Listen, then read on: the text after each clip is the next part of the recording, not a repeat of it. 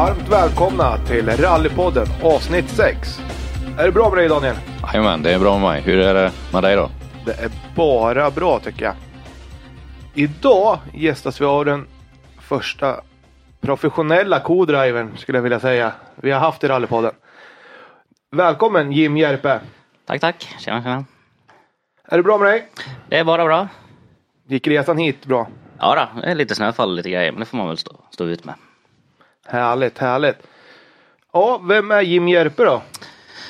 Jag är en 30-32-årig grabb ifrån Borlänge. Eh, har familj med två barn och massa djur. Och är kartläsare. Härligt. Ja, en dalmas alltså. Jajamän. Hur börjar man med motorsporten uppe i Dalarna? Eh, man börjar för att låtsasfarsan drog in en i det. Så det satt man väl och kollade på rallyfilmer från att man var tre, fyra år gammal och låtsades att det var en själv som körde så byggdes intresse på, på det där hela tiden med radiostyrda bilar och, och så vidare. Härligt. Alltid skönt att ha alla som har varit här har haft någon familjekoppling in i motorsporten. Ja, det brukar väl vara så. Det ligger väl nära till hans. Ja. Vad tror du gör att det oftast är familjen som gör att man kommer in i motorsporten? Det är väl att det är, det är en materialsport och det krävs ganska mycket för att liksom komma igång med det mesta. Speciellt om du ska köra. Det spelar ingen roll om det är folkrace eller rally eller banracing så är det ju Alltså det är grejer som ska tas hand om. Du ska ha släpkärra, du ska ha garage och verktyg och så vidare. Så det är liksom Det är inte bara bara att sätta igång. Det är inte att åka och köpa ett par skor och en klubba så är man liksom igång. Utan det är lite mer pyssel. Jag tänker som co-driver och hoppa in tror jag är ett av de bättre stegen om du inte har någon motorsportintresserade föräldrar och komma in i motorsport. Tror du att det kan stämma? Ja men absolut. För där är det ju mer skaffa din egen utrustning, skaffa några kontakter och så tjata tills du får åka med och sen, sen är man igång.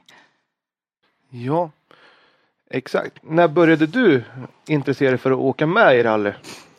Ja det var väl, det var väl som sagt här när man var fyra fem år gammal så fick man väl vänta ut tills man var 13 så då åkte jag med med traktivchefen Anders Jonsen och fick jag åka med någon sprint. Kan jag göra vid 13 års ålder då. Så det drog igång direkt där så fort man fick ta licensen. Ja, det är ingen dålig chaufför att få börja åka med heller. Ja, nej, vi kom väl två svängar så var vi i diket så, så det var, Ja. det var kul. Ja, han, han är ju känd för att ladda på. Ja, precis. Nej, det var, det var en servorem som inte var ordentligt spänd där så det, men det, vi, vi kom i mål till slut levande så det var, En tuff inledning på karriären men ändå en rolig förmodar jag. ja jag satt väl bara och asgarva. Jag hade väl inga begrepp om någonting alls det var ju, jag hade bara kul. Ja, som 13-åring så får man ju börja åka kartläsare. Vad har du för tips till de som vill börja i så ung ålder? Det är ju bara att lära så mycket som möjligt. Våga ta för sig, prata med folk, lära sig saker. För det är liksom, det är på kunskap man kommer någonstans som kartläsare. Började du läsa noter direkt eller åkte ni mycket onotat i början? Jag åkte med mest sprintar. Och sen slutade ju låtsasfarsan åka rally och då dog ju det där av lite grann. Men så då hade jag ju hunnit träffa någon kompis då. Så mm, som 16-åring så började jag läsa noter åt en kille från Nickeberga som heter Jon Johansson. Så vi grunnade på det i några år och där fick man göra alla de här misstagen om och om igen tills man till slut lärde sig någonting. Ja, men kände du att det var skönt att åka flera tävlingar onotat innan du gick över och läste noter? Att man fick någon sorts känsla för det? Alltså då, då var man ju bara så jäkla tarv på att komma igång och göra något mer men lika man var ju så ung så man hade ju liksom kanske inte full, fulla begrepp heller. Eh, så på den tiden, alltså innan man fyllde 16 så då var man ju bara så jäkla lycklig över att få åka bil överhuvudtaget liksom. Det kan jag förstå. Alltså det är ju en, det är en dröm som går i uppfyllelse när du väl får sätta det där om du har haft det från 4-5 års ålder. Ja men precis, jag menar jag kommer ihåg varje gång låtsasfarsan var ute och, ute och provade rallybil, även om det bara var på asfaltsrakan bara och liksom drog ur den för att kolla så allting funkar så var man ju liksom, man var ju jätteförbannad varje gång man inte fick åka med liksom, eller han drog iväg utan att säga till. Så det var ju liksom, ja, man ville ju åka bil helt enkelt. Så är det ju. Ja, så 16 års ålder började du med med noterna. Åkte du någonting själv? Alltså, Eh, Som 16-åring så åkte jag väl, jag körde en folkracetävling som junior. Var väl både högt och lågt och mest bredvid banan. Men jag hade väl jäkligt kul. Men då var, vi tillbaks på det här. Då hade inte jag någon, någonstans att vara och skruva och så vidare. Så det vart inget mer under ju- juniortiden. Då. Men eh, sen när jag fyllde 18 så då, då köpte jag mig en liten Suzuki Swift. Åkte två tävlingar och sen var den skrot och sen var det väl liksom bara inse att det är nog kanske kartläsarston man ska vara. folk är en hård sport om man, om man gillar att attackera lite. Sig. Ja precis, precis. Det, ja, Man styr ju inte över allt som händer själv. nej så är det ju. Nu Swiften det var ju en rallybil då. Var det, var det. Och den, det var ju tråkigare när det blev skrot så då var det ju liksom definitivt att nej, jag sätter mig i högerston. Ja, det kan jag förstå att man känner. då. Om- Om det tar två tävlingar så blir det lite jobbigt. Sig. Ja, jag kom väl, var det två eller tre kilometer på första sträckan, andra tävlingen så var det klart. Ja, men då är det ju bra att man kan backa tillbaka eller backa tillbaka men byta plats på, på vilken sida man vill sitta i bilen. Ja men precis och då är det ju på så vis är man ju väldigt bortskämd som kartläsare liksom att det är ju ganska ordentligt mycket billigare och enklare. Även om man är med som kartläsare och betalar och så vidare så är det fortfarande bara en spottstyver av liksom hela summan. Exakt, exakt. Men så när fortsatte du, alltså när visste du att nu ska jag nog hålla på med det här och vara co-driver? Nej men det, det var något som växte fram under tid. Egentligen ganska ordentligt mycket senare som, som det började bli något halvprofessionellt av det om man säger. Men eh, på den här tiden så då var det ju liksom fortfarande bara att det är ju en hobby, det är världens bästa grej liksom. Det är världens roligaste hobby. Åkte du med samma person mycket i början här när du läste noter? I början, de första två, tre åren så var det väldigt mycket samma person, det var den här Jon Johansson då. Och ehm, eh, Eh, sen hade jag väl, gjorde jag något inhopp här och var. En av mina bästa vänner köpte någon bil och vi åkte någon tävling men han lyckades jag väl läsa av vägen Han vände där i något vägbyte så, så ja, sen åkte inte han så mycket mer så eh, nej, det var mest med en och samma första åren. Det måste ändå vara skönt att ha en trygghet att veta att ja, men vi har ju jäkligt kul ihop och att det funkar mellan er som personer.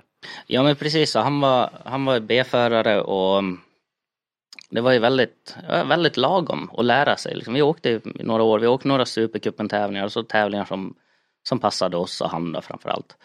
Och mm, det var ju inte hela världen när man gjorde fel och när man tappade bort sig och det där. Så det var ju liksom ganska ganska så skönt och att det bara rullar på liksom. Men vad hade ni för bil då när ni åkte? Bytte ni någonting under tiden så du fick prova på att åka både framhjulsdrivet och bakhjulsdrivet eller hur såg det ut? Nej, eh, han hade en framhjulsdriven Ford Escort, en grupp H. Och från början så var det bara en grupp N-motor och standardlåda och, och ja, bilsteinfjädring på han.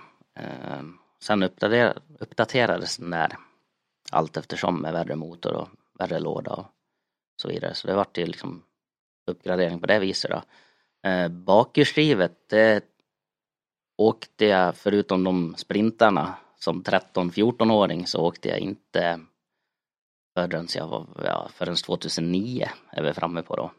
Och då var det var, det var en ny upplevelse, det var väldigt annorlunda var det. För då hade jag liksom börjat komma in i och blivit en helt, vad ska man säga, en okej notläsare. Och så satte man sig i en 240 grupp H med en halvvild värmlänning bakom ratten. Och ja, det var inte helt lätt då, var det inte. Det var, liksom, det var något helt nytt. Du måste ställa om alltså lite hur man läser och allting kan jag tänka mig. När du går med på sladd och Ja men precis, det är, för min del där då så vart det att jag, jag tappade ju all känsla på vad som hände och vart vi var och hur, liksom, hur, hur fort det gick. Det, jag tyckte, det kändes som det gick i 250 km i timmen hela tiden. Eh, vilket det såklart inte gjorde men det var ju väldigt svårt att sätta tajmingen och så vidare. Men en bra erfarenhet att få säkert. Ja men absolut och sen det var ju bara att lära sig nya, nya grunder att stå på liksom vad man ska, vad man ska ta med sig. Ja, 2009 är vi inne på, eller hade du något mer där innan som du vill lyfta? Nej, inte något, inte något speciellt. Men 2009 då, bytte du chaufför eller fortsatte du åka med Jon då? Eh, nej, där han slutade nog åka, eller han åkte lite mer sporadiskt gjorde han. Och 2009 så tror jag att jag, det blev inte så jättemycket åkande för mig heller. Utan det drog igång lite mer 2010 då. Och hur, alltså vad gjorde ni då då, 2010 för inhopp? Eh, då började jag åka med en kille som heter Anton Eriksson ifrån Sundsvall i en Ford Fiesta SD. Han är väl idag mer känd som Skoda-åkare i R5 i SM. Så vi började åka lite grann där på, under våren om jag minns rätt. Så började vi åka lite SM då. Så det var ju, det var ju något helt nytt. Ja, det måste vara en stor omställning från att ha åkt, som du säger, lite sporadiskt och utvalda tävlingar sådär och sen gå över och åka SM. Vad var den stora skillnaden där? Ja men då, det kändes ju jättestort. Det var ju liksom För det första så var man ju nervös en tre, fyra veckor i förväg.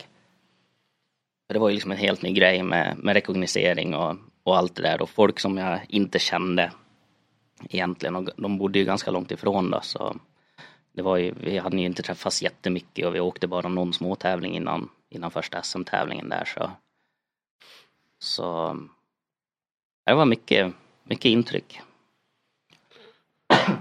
Hur var det att göra de här första rekorna ihop med en ny chaufför? Jag tänker, jag tror inte ni skrev egna noter direkt eller?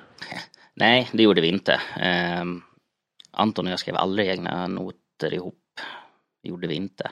Utan ehm, det var ju arrangörsnoter. Så det var ju, alltså ser man tillbaks på det idag så då, då det var ju liksom ingen big deal överhuvudtaget. Men då var det ju, det var en jätteomställning och, och större tävling, så mycket mer som kartläsare att hålla koll på och hela den biten. Så det, då lär man tänka om och försöka, då får man jobba med de kontakter man har fått ihop och liksom höra med folk som har åkt SM och, och be om tips och råd och så vidare. Och Det underlättar ju väldigt mycket. För det vi har hört från de andra som har varit inne i rallygamet är ju att hjälp, det får man bara man våga fråga eller man får kontakt med någon. Så är hjälpen jättelätt att få. Ja men det tycker jag absolut. Det, och det, det är något vi, eller vi, det är något många borde bli väldigt mycket bättre på. För vi är väldigt hjälpsamma inom sporten. Eh, och det är jättekul att hjälpa. Och det är jättekul när man kan få hjälp. Så det, det tycker jag att man ska, ska framhäva och hålla liv i. Ja, du utvecklar ju båda parter om man säger. Den som får feedback och den som får ge feedback. Den växer ju också som person. Ja men visst är det så. I slutändan så, alltså sånt där blir ju känt så, alltså det, det, är man snäll så kommer det oftast tillbaks. Det är ju så liksom. Ja, och det är som sagt alltid välkomnat. Och det, det be behöver inte vara om något stort heller utan det kan vara små grejer som kan göra att man tar en liten genväg till att komma lite längre. Ja, jo men det kan ju vara alltså bara små grejer. Alltså folk som har åkt tävlingarna förut. Som vet att ja, det brukar vara en jäkla kö vid anmälan. Så gå dit i tid om ni har bråttom ut till första sträckan på reken. Ja, fine. Då har man liksom sparat sig en halvtimmes möda där. På, på ett litet tips bara. Alltså massa sådana små grejer gör ju mycket. Viktiga grejer och som kanske låter som att det är en bagatell men som sagt en halvtimme är alltid en halvtimme i, i rekbilen. Jo men i slutändan så är det ju det för börjar man jobba seriöst med det så, så, liksom allting ska renskrivas och så ska det videorekas och det, det drar iväg i tid. Ja, men hur gick det då här 2010 när ni åkte SM? Ja, första SM-tävlingen så då vart det väl en li- liten, liten dikesvisit men eh, det är ju sånt som hör till sporten och Anton var ju liksom ny i SM också så vi, vi utvecklades väl ganska mycket där tillsammans. Det kan jag tänka mig. Alltså, ni var väl rätt jämngamla också kan jag tänka mig. Anton lite yngre. Ja, precis. Så nej, det var jättekul och det var ju som sagt, alltså det kändes ju väldigt stort och de hade ju, de hade ju redan på den tiden liksom en fin service, lastbil och så vidare. Så det, det kändes ju väldigt professionellt och, och var på många vis det också. Men det är ju en skön inledning att du kanske har ett, en bra servicebuss som du kan gå undan som kartläsare och titta igenom noterna en extra gång och göra dina egna markeringar. Alltså du får inte skriva någonting i arrangörsnoterna. Men på SM får du ju göra tillägg i alla fall. Ja, jo men på, i SM får vi göra vad vi vill i noterna. Eh, så det är, äh, det, är, det är helt underbart att ha. Det är väldigt lättarbetat. Ja, det måste jag fråga. Hur svårt är det att komma till en, en arrangörsnotertävling då? Från att vara på SM? Är det inte lätt att man gör skriver någonting om det? Om man säger att ni åker sträckorna två gånger, att man kanske ändrar något. Sen kommer på, jäklar jag får inte göra det här. Ja, det är ju lite, lite så är det, men som tur är så är ju de tävlingarna ganska korta så man kommer faktiskt ihåg saker. Um, jag vet en tävling så då har vi liksom en tävling där vi har åkt SM förut och så har vi åkt samma väg senare under året. Så har man liksom kommit ihåg hela, hela snuttar av liksom sträckor så då har man liksom, ja men det är där vi satte den noten och där är där vi satte den noten. Så har man liksom kunnat komma med en, har man läst arrangörsnoter så har man sagt sin egen not efter det liksom på sträckan sen. Det är minnet. Ja, det är bra att ha. Det, det är ju det ni är kända för. Ja. Kartläsare har vi hört här tidigare. Ni är ju både pappa, mamma och den som ska komma ihåg allt under tävlingen. Ja, det, man får ta på sig många roller. Det, man är allt ifrån psykolog till, till indrivare eller på att säga. Det... Ja, nej, ni har mycket. Man kan tro att man kommer dit med sin kartläsarväska och hoppar in och sätter sig. Men så är det inte riktigt. Nej, det är ju det är ju väldigt mycket planering inför en tävling. Alltså idag så gör jag ungefär, alltså det är mellan 15 och 25 timmar planering inför varje tävling. Eh, så det finns ju, det finns att göra. Ja, 2010 lider mot sitt slut. Hur gick det för dig och Anton under resterande säsong? Eh, jag tror väl inte att det blev något resultat att prata om så utan vi var ju där för att lära och det var egentligen säsongen efter så var det väldigt mycket liksom för att lära och ta sig mål och skapa rutin och erfarenheter och liksom för att kunna bygga farten så småningom. Ja, för du åkte med Anton även 2011. Stämmer bra. Yes. Och där gjorde du även lite inhopp med andra chaufförer också. Ja, precis. Vi körde ju SM med, med Anton där då. Sen eh, eh, åkte jag fyrskivet första gången då med eh, Anders Wenn. Alla, alla i Dalarnas lilla rallypappa. Som eh, han har bland annat tagit med Kristoffer Bäck. Och han utvecklar väldigt mycket och mig har han hjälpt mycket genom tiderna. Så, och han hade en Mitsubishi Evo 5. Så fick åka med där på tävlingar. Och det var ju också en helt ny upplevelse just där att nu, nu börjar det ju faktiskt liksom röra på sig ordentligt hela tiden. Så det var något nytt det också. Och inte ha lika mycket tid på sig att läsa utan Var det någon skillnad att gå tillbaka då till att åka tvåhjulsdrivet efter att man har åkt fyrhjulsdrivet? Ja, alltså det blev ju Det blev ju lättare på en del vis. Blev det absolut. Just det här att på vissa ställen, absolut inte på alla, på vissa ställen så åker man till och med snabbare med tvåhjulsdriven än med fyrhjulsdriven bil. Men eh, på vissa ställen så, så fick man ju mer tid på sig att liksom fundera och, hela den biten. Men det är inte alltid det är något positivt heller. Har man tid att fundera då har man tid att tappa bort sig också. Så det är, det är både och det där. Och man ska inte hinna tänka, det, det har chaufförerna också sagt att tänker man så brukar det inte bli så jättebra. Ja, nej precis. Och det är egentligen något som jag har fått jobbat väldigt mycket på. Och i och med att jag egentligen ville vara chaufför ifrån start så har jag ju liksom, ja, men under hela min uppväxt har jag ju fokuserat på chaufförsdelen. Och det kan ju vara någonting som, eller det är någonting som jag kan ha haft svårt att släppa i bilen. Då blir man nog fokuserad på vad föraren gör, hur bilen känns och hela den biten. Så det har jag fått jobba väldigt mycket med. Och få göra det än idag, en del. Det kan jag tänka mig, alltså ställa om från, från barnsben till vuxna är inte det lättaste. För man lär, lär sig ju mest när man är ung Ja, om man säger. ja, men det märks ju. Det tar ju väldans mycket längre tid idag att lära sig någonting än vad det gjorde för 15 år sedan. Ja. Är det något mer du kommer ihåg från 2011 där som sticker ut? Um, ja, Um, jag åkte med Mattias Adelssons pappa Mats Adielsson i Evo 7 nere i, Götene. Och mm, det var ju tack vare att jag hade åkt med Anders Wendt, att han hade vågat om man säger tagit med mig i någon tävling där på vintern. Så fick man den möjligheten och det är ju sånt här, det är så det funkar som kartläsare att det liksom hela tiden en grej ger en annan.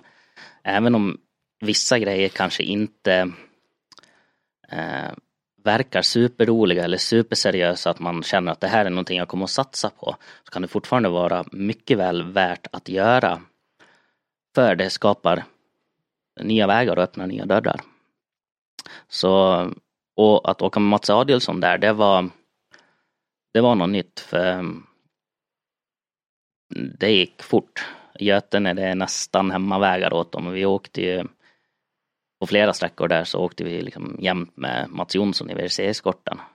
Och på sista sträckan så då, då var han lite förbannad Mats. Så då, då gick det långt ner i dikena på innen och jag förstår lite vart Mattias har fått sin körstil ifrån. Du känner igen den alltså? Jajamän, Sådan far, sådan son kanske? äpplet faller inte långt ifrån päronträdet. Nej, exakt. Vet det, men det är ju också som sagt nya erfarenheter, nya chaufförer. Alltså tar man med sig något från de här inhoppen man gör? Jo men det är ju så, alltså som från början där då när man åker med en och samma, då utvecklar man ju sig till att läsa exakt bara för den om man säger. Um, och sen hoppar man in i en annan bil och så upptäcker man att det här var ju inte alls det den här föraren ville ha. Så då får man liksom justera om och så vidare. Det är också någonting som är väldigt viktigt att man åker med väldigt många olika så att man själv skaffar sig en, en bra grund men grunduppfattning om, var, om hur saker ska göras, om hur, hur man borde läsa och så vidare. För ju, mer man, ju fler man åker med desto bättre grund får man att stå på. Kanske en läsning som passar de flesta i slutändan. Och lite universal.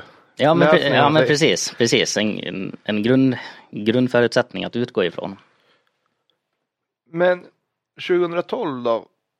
Fortsätter du åka lite fyra VD där eller hur ser det ut då? Ja, då, då gav det ju, det fyr, fyrvd-åkning gav ju det nästa steg att då, kunde, då fick jag åka med Eh, Marcus Hellbo i några tävlingar. Och det är ju en glad, härlig tjomme ifrån hembyarna. Eh, och det var också något, något annorlunda för han var han var inte riktigt som någon av de andra jag hade åkt med i, i bilen. Det är svårt att sätta fingret på vad, men liksom just det här med kemi och hela den biten. Um, och körstil och så vidare. Så det var, det var mycket lärdomar där också. Där tror jag att första totalvinsten för min del kom. Det, Det kan stämma faktiskt. Typ Ja. Dan Anderssons minne eller något har jag för mig skulle kunna det stämmer nog mycket bra det. Så. Men när vi fortsätter säsongen där så har du, gör du ett inhopp med Jon igen. Ja, precis. Det var väl en liten sprint i Ludvika var det som eh, ehm, Ja, han behövde väl en kartis bara och jag hade väl ingen för mig så då åker man gärna rallybil. Så är det ju. Så då, då hoppar vi in. Var det kul att korsa vägarna igen där efter ett par års uppehåll där? Ja, nu det här var ju en sprint utan noter så det var ju liksom Det var ju, det var ju inte så mycket kartläsarjobb så. Det var tre sidor i roadbooken och sen, sen åka med bara. Så det var, men eh, vi har ju kontakten än idag. Han bor inte så långt hemifrån så. Det, det är alltid kul att åka med folk man känner. Ja. Fort, fortsatte du åka med Marcus hela säsongen där eller? Nej, ehm, 2012 så på våren, det först i mars så fick vi vår första, vår första unge i mars. Sen eh, i Nyköpings tävling, kommer jag inte ihåg riktigt vilken månad det är i. Juli tror jag. Ja, det kan nog stämma. Så eh, var jag med i en ganska så allvarlig krasch. Där eh, föraren tuppade av i smällen och jag hade, ja, men, taket var väl 15 centimeter från lår, lårkudden på stolen. Och ungen tre månader gammal så det var, där vart det ett litet uppehåll efter den smällen. Du, det förstår jag. Alltså, man vaknar till lite när man bildar familj och gre- grejer. Ja men det blev ju så. så vi vart kvar i bilen en stund. Och när vi väl, när jag väl kom ur den så var det så här, jag sätter mig inte i en rallybil igen. Och fick ju liksom de här bild, skräckbilderna framför sig. Ja, ni satt fast eh, båda två eller? Ehm, bilen låg på sida och taket var som sagt väldigt långt nedtryckt på min sida. Jag, hade, jag, jag klarade mig helt oskadd gjorde jag. Mm. Ehm, men ehm, bilen låg på sida, föraren avtuppad, taket långt nedtryckt på min sida. Så innan de fick ner bilen på alla fyra så tog jag mig inte ur. Ehm, så det vart ju, det vart ju lite panik där. Klaustrofobin eh, kickade in kanske? Ja, eh, eh, som jag minns det, inte så farligt, men just det här liksom att jag visste inte hur det var med föraren. Nej. Och han, han, piggnade till, eller kvicknade till ganska så fort gjorde han, men, men ändå liksom den, Man hinner ju tänka väldigt mycket innan han vaknar. ja och även efter att han har vaknat liksom, hur är det med han, Var- vart har han gjort illa sig? Ja, man somnar ju inte för ingenting. Ja, nej precis, inte, nej, i det där läget så har man ju lite adrenalin som pumpar Ja. i kroppen så. Precis. Men hur, alltså, där. Hur var räddnings... Alltså, fick, fick ni bra hjälp på plats då eller? Det fick vi, det var jättebra. Eh, det var en läkare som stod i publiken. Och så vidare, så det, det, det var jättebra. Eh, och vi kom, vi kom ju tillbaks lite senare. Ja, till och med innan tävlingen hade slutat, innan sträckan var klar. Så var ju jag och några servicefolk tillbaks på platsen. Det var bara några hundra meter in på SS2 eller SS3. Så vi ja, fick ju prata mer med, med de som hade stått där och så, så det var, det var ganska skönt och det var, jag tror det var skönt för dem också liksom få se uppföljningen på det att ja, men det gick ändå ganska bra. Var det. Men annars var, först var det väl ingen som hade vågat gått fram för det small väl ganska rejält i, på yttern där men, men jag, jag ropar någonting till dem och då, då är det, då kommer den läkaren fram och sen, sen gick det hur bra som helst. Ja, det är ju skönt där att det, alltså, där ser man hur viktigt det är att det finns folk ute i skogen. Ja men det underlättar jättemycket och det är ju Det finns mycket duktigt folk som kan saker, som är läkare, som har första hjälpen utbildningar, som är brandmän och så vidare. Det är lika eh, vid Adams, Adam Westlunds krasch i Kolsva va? Där var det också, var det nog brandmän som var på plats. Och det hjälpte ju jättemycket den gången. Så ja, det är skönt att det finns, att det finns ett stort intresse för sporten så att det finns folk ute på plats. Ja, jag tror att det är superviktigt att och att man vågar gå fram och se hur det är även fast det inte ser så bra ut från början. Ja men precis. Och alltså, när publiken väl kom fram till våran bil, de kollade ju liksom upp på mig för de såg ju bilen från ganska långt håll då. Och såg ju min sida såg ut så de var ju helt säkra på att, att jag hade gjort illa mig. Medan jag satt och nej, pekade ner på föraren, men ta hand om honom. Jag mår bra. Kanske var tur i det läget att man sitter lite längre bak som Carter så längre ner. Ja, precis. Och jag lärde mig verkligen vad det hjälmknäckarstage som det kallas, eh, vad, det, vad det gör för nytta. För nu vek sig allting framför där. Då. Hade det inte gjort det så då hade det vikit sig bakom, eller vid huvudbågen. Och då hade jag gjort det kort. Mm. Skönt att det är sån bra säkerhet i alla bilar som man åker med. Jo men, vi, Och att man använder säkerhetsutrustningen på rätt sätt också. jo men det där är jätteviktigt och tyvärr så kollar man på en del inkarfilmer så ser man ju framförallt förare där bältena slackar ganska ordentligt. Och det var lika i den här kraschen. Det syns på inkarfilmen. Förarens huvud slår väldigt ordentligt mycket mer i sidled i smällarna. Och det syns att hans bälten inte är ordentligt helt hundra fastspända, liksom. inte lika hårt som mina i alla fall. Och jag sitter ganska ordentligt mycket mer still. Och klarar mig i kraschen också. Så det är något som, som man verkligen ska tänka sig på. Ja, jag tror att det är väldigt viktigt, alltså speciellt att sitta fast som du säger. Att dra åt bältena ett par extra gånger Ja, på väg fram till startlinjen. Och även efter man har startat för man ruskar alltid ner lite extra liksom när det har börjat studsa och fara en stund så. Nej, det, det, och det är väldigt vanligt. Det är väldigt vanligt. Så det kan folk bli bättre på. Då, skick, då får vi skicka en passning till Ja, alla, precis. både kartläsare och chaufförer. att Se till att ni sitter ordentligt när ni åker. Ja, för det underlättar. Alltså det är handskydd och burstoppning och allt vad det ska vara men det, att dra åt bältena är ju liksom steg ett och att man sitter bra i, i stolarna.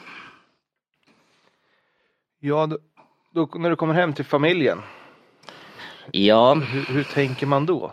så vågar man väl inte riktigt berätta från början hur allvarligt det hade varit. Utan det där kröp väl fram lite grann under, där under, kvällningen, lite mer och mer var det. Men, eh, men familjen har alltid haft en väldigt stor förståelse för det jag håller på med så det, det underlättar ju mycket. Och det var väl, alltså som sagt, när man kom ur bilen där så då var det, nej, jag sätter mig inte i en rallybil något mer, nu får det bli folkrace som gäller liksom på avstängd bana. Men eh, på vägen hem där så då satt vi på Block och letade ny kaross. Så det, det går ju över ganska fort också. Det, som sagt, det vänder fort där. Kanske när du får komma tillbaka till platsen också och se hur det, hur det verkligen ser ut och bildar en, en, en när du- adrenalinet har försvunnit ur kroppen så kanske man börjar se att ja, men, Ja men precis, så man börjar analysera vad som hände, varför det hände och liksom istället för att se det som att vilken, vilken jäkla otur så, eller vilken jäkla tur man har som har överlevt så vart det mer att vilken jäkla otur att det tog som det tog. Så man kan ju liksom alltid vända och vrida på saker, det gäller att se saker från rätt, rätt sätt. Kan du nämna lite vad det var som hände med ni eller vad? Ehm, ja, vi kom fullt på högsta växeln, inte allt för långt ifrån toppfart och så så tror jag att föraren missbedömde eller felbedömde liksom när, när svängen kom lite grann. Så vi kom ju alldeles för fort och han eh, hinner inte något jättemycket mer än bara bromsa upp bilen lite grann och sen ta ju vägen slut. Så vi är ju på väg att börja rulla en väldans massa varv. Och jag kommer ihåg att jag ser, jag såg liksom en, en gata ute i skogen där det inte var något träd. Jag tänkte bara snälla låt oss ta åtta varv där, det är, liksom, det, går, det är fine. Men vi kom inte mer än ett kvarts varv så tog det stopp i, i ett träd så det, vart ju, det var ju ganska hög fart då. Mm ja, det bromsar bra i stora trän. Så. Ja men det är ju ehm, det. Jag kommer ihåg, fick mycket kritik för hur buren såg ut. För den var ju alltså ordentligt nedtryckt. Men ehm, det är också en sån grej, alltså buren är ju, den är ju där för att dämpa. Hade den varit helt stum då hade ingen av oss överlevt den smällen utan det är ju det, är det här med krockzoner och så vidare. Så den funkar ju precis som den skulle. Ehm, den var ju i princip form, formad efter mig utan att ta i mig någonstans på min sida så det var ju liksom, ja det kunde inte ha varit något bättre. Nej, alltså det behövs. Det här plötsliga stoppet är ju absolut inte bra för kroppen. Då är det ju bättre att det viker in sig en bit i alla fall. Ja, ja men precis, alltså nå, någonstans så måste ju smällen absorberas och blir det inte i bilen så då blir det ju i kroppen. Och det, då är det bättre bilen tar slut först och sen, sen får man själv ta smällen. om Det behövs. Exakt. Men kom du tillbaka någon gång under 2012 där? Ja, det, det gick väl, gick det en månad eller någonting och sen eh, är vi tillbaks på Anders vän. Då eh, vet jag väl egentligen inte riktigt hur mycket det var för att, för att jag skulle komma in i en bil igen eller att han verkligen behövde kartläsare. Men om jag minns rätt så var han ganska bestämd på att jo, nu, nu åker du med. Så det var väldigt bra att komma in. Jag har för mig, det var en, inte jättelångt efter var det inte. Och det var det var nervöst innan start, det var det absolut. Men eh, när han väl släppte upp kopplingen och man började läsa så var det var det helt borta. Det var som att det aldrig har hänt. Och då kommer här tävlingsinstinkten och adrenalinet och man fokuserar på det man ska göra istället för det som har varit. Ja men precis, så fick det gå några svängar så kände man liksom att ja men det ska ju till ganska mycket otur för att det ska bli så där som det blev. Och mm, det var lika eftersmällen, jag menar på vägen hem där när vi började leta bil och så vidare så började man ju också inse att jag bestämmer jag mig för att sluta åka rally då kör jag väl ihjäl mig på vägen till jobbet på måndag morgon eller någonting. Så det är liksom inte så mycket att fundera på. Man lever bara en gång. Exakt så är det och då är det ju skönt att man har, som du säger, Anders var en liten rallypappa uppe i Dalarna, att han tog tag i det och här, åk med nu. Ja men precis. Det, sådana, sådana vänner behöver man. Sånt folk behöver man runt omkring sig. Åkte du något mer med Anders under året eller hoppade in hos någon annan där? Ja, det vart väl en sprint med Anton Eriksson. Vart det där också. På hösten. Sen tror jag inte att det var så mycket mer. Nej. Men 2013 då? Blev det en ny SM-satsning då med en ny chaufför va? Jajamän, fortsätter i Fies, Ford Fiesta ST, gamla Grupp M-bil, men eh, med en kille från Järbo, eh, Anton Alkberg, som var eh, väldigt lovande. Riktigt duktig chaufför ifrån grunden. Talangfull som åkte väldigt fort och säkert. Han åkte grymt fort när han åkte Grupp E innan. Han var ju överlägsen i de flesta tävlingarna i Grupp E. Så det var ju verkligen en talangfull förare som bytte bil till det här året. Ja men precis, han hade det där i ryggraden någonstans och, och farsan hans hade ju alltid kört liksom med devisen att det ska bara rulla på och nötas på utan, att, utan några konstigheter och då, då kommer tiderna till slut. Och precis så hade ju Anton jobbat också, det, det märktes. Det var, vi hade i princip under alla de tävlingarna jag åkt med så tror jag vi hade ett eller två moments typ. Ja det är ju rätt bra facit på. Ni åkte säkert en hel del ihop. Ja vi åkte vi försökte ju oss på SM där och vi åkte väl en fyra tävlingar tror jag. Sen eh, fick vi väl inte ihop ekonomin riktigt så då, då fick vi avbryta det här men eh, vi åkte en hel del små tävlingar och sen fyra SM-tävlingar som sagt. Så det, och det gick ju fort där då. Då hade ju R2 börjat komma ordentligt så och vi var på pallen någon gång där om jag minns rätt. Så väldigt, väldigt bra.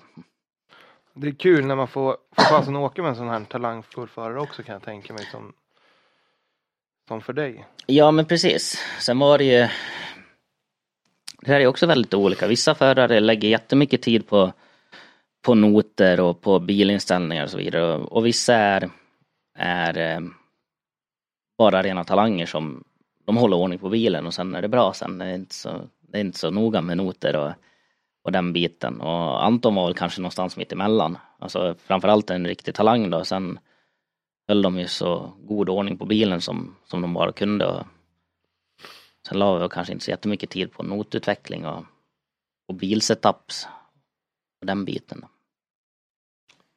Åkte ni arrangörsnoter också? Det var bara, det var bara arrangörsnoter. Var det. Vad gjorde du? Fortsatte du åka med honom när ni avbröt SM-säsongen? Nej, han eh, slutade väl köra rally där egentligen. Jag vet inte om han, jag tror inte att han har åkt något mer rally sen dess. Han har åkt lite folkrace vad jag vet. Eh, så det är tyvärr ett kvitto på att det är en lite dyr sport vi håller på med. Lite för dyr ibland. Tråkigt när det blir så. Men som för dig, hur gick du vidare då? Ja, då var det en tjomme från Örebro vid namn Daniel Hoffman som ringde och ville med mig ett par tävlingar. Och då var ju det något nytt igen för då var det ju dags för beskrivande noter, gubbnoter. Så då fick man börja traggla med det igen. Hur kändes det att läsa beskrivande? Jag hade gjort det en gång tidigare med, med pappa Adilsson där.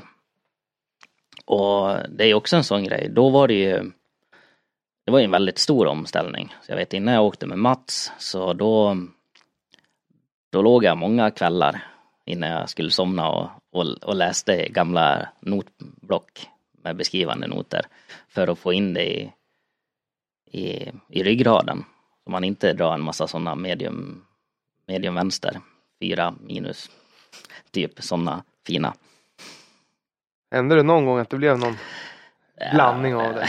Nej, eh, det vart väl säkert några ö, ö, ö, ö, mm, vänster. men, men annars så var det väl relativt lugnt, i alla fall vad jag vill komma ihåg. Men det, det är bra att man kommer ihåg det. Det, det ska man komma ihåg att det är. Ja men precis, precis det andra det var inte så viktigt att komma ihåg. Nej, och ni höll ju på vägen. Ja, absolut.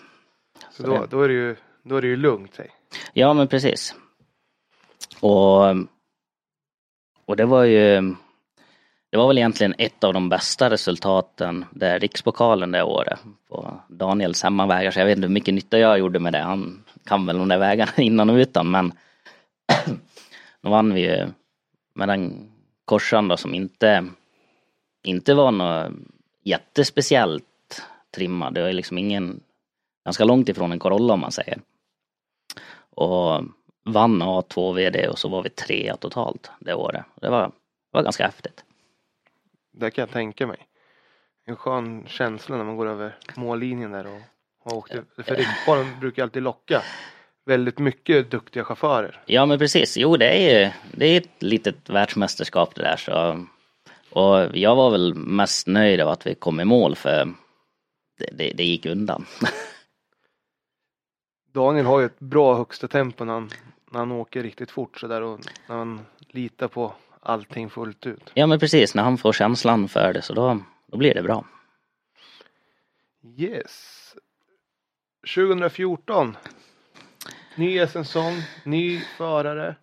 Ja, och nu börjar det kännas, där någonstans så börjar det, det kännas väldigt professionellt. Då eh, var det en kille vid namn Filip Haag som hörde av sig i december om, och frågade om jag ville åka med till året efter och eh, presentera sin satsning och jag eh, visade några inkarfilmer och så vidare och så skulle vi plocka hem en split ny Citroën DS3 R3 som var väldigt ny i sammanhanget i hela Europa då vid den här tiden.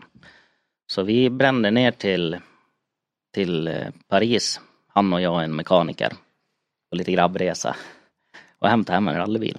Det var häftigt. Cool känsla att åka ner och hämta en fabriksbyggd rallybil sådär i fabrik. Ja, det var ju, det var ju ett väldigt stort steg liksom. Ja, men, hur, hur, just hur professionellt det känns. Och det gav ju mycket motivation och så vidare. Eh, absolut. De här bilarna är ju turbo också. Så det kanske är en helt annan känsla också när man sätter sig i högerstolen. Ja, det var ju det var ju lite som Mitsubishi det var ju, det var ju ganska tyst och behagligt i de där bilarna. Det, det hände inte så mycket på det viset. Sen Citroengen, det är, han, det är ju fruktansvärt bra bil. Eh, dock ganska svår att ställa in. Eller i alla fall så hade vi ganska svårt att ställa in den. Det tror jag de flesta som har åkt med den i Sverige har haft. Så. Det är jobbigt när man kommer till ett sånt, alltså man har en konkurrenskraftig bil men man hittar inte riktigt känslan i, i bilen. Ja, nej precis. Och men det börjar ju sådär, alltså det började ju med, vi hann ju knappt köra något test för vi hade ju det var så tajt så när vi åkte upp till första SM-tävlingen i Östersund så då visste vi inte om vi skulle kunna starta för vi visste inte om vi skulle hinna få papperna på bilen. Så det fick vi skickat till en Citroën-handlare i Östersund. Och sen in på polisstationen och hämta ut gula regskyltar som vi skrev nya regnummer på. Då. Och det var, ja det var alltså, det var med några timmars marginal som vi fick de där papperna skickade upp dit. Alltså det, och det vart ju inget ordentligt test innan heller i och med att vi inte vågade köra med bilen. Då, så, och den var ju absolut inte anpassad för snö. Den kom liksom direkt ifrån Frankrike med en relativt hård grussättning. Så den tävlingen for vi som en tvålkopp och han lyckas väl hålla sig mellan vallarna ganska länge ändå. Mycket längre än vad jag hade förväntat mig efter, efter första metrarna där men till slut så, så, så drog bakändan iväg och så fastnade vi i en vall. Ut och skotta eller blev ni kvar där? Ja, vi skottade en stund men sen ett spadtag så då sa det bara pang i spaden och så stod vi uppe på en tre, fyra frusna ensilagebalar. Då insåg jag nu, nu lägger vi ner det här. Då är det inte lika roligt längre att ja, fortsätta. Nej, nej det, då kändes det kört. Men sen då när vi fortsätter från vintern det här året och går över till gruset.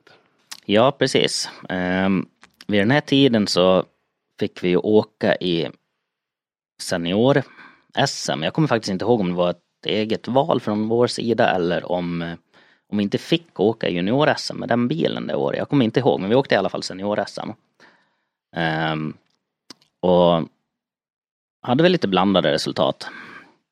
Men sen mot slutet på året i SM där så i Linköping i Sweden så släppte det ganska ordentligt och vi hade några riktigt starka sträcktider. Vi var trea totalt på någon sträcka till och med.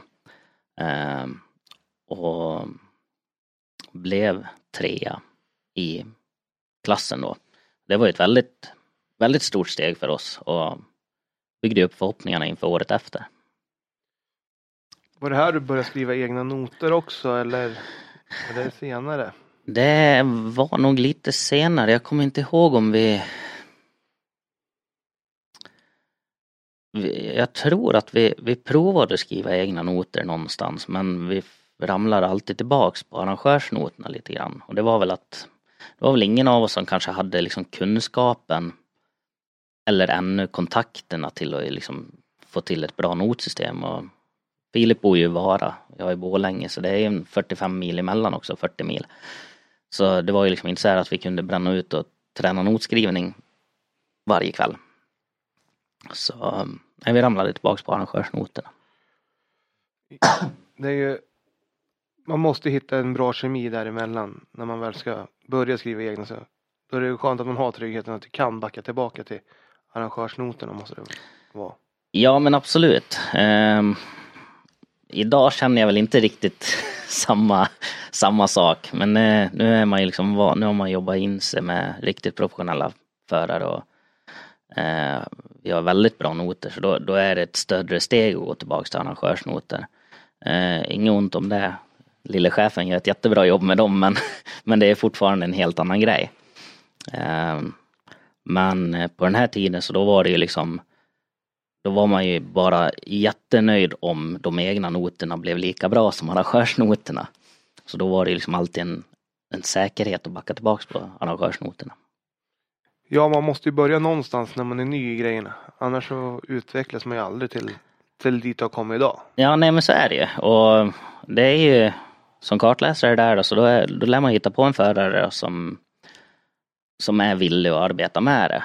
För det, det, är, en, det är inte lätt att skriva noter alltså. Det, det avundas jag inte förarna. Liksom, det är grundansvar att liksom sätta noterna första vändan. Um, så när man väl börjar med det så måste man nog liksom inse att det kanske tar en stund innan, innan det blir bra till 100 procent att man, man under den tiden måste åka med lite extra marginaler på rätt sida liksom.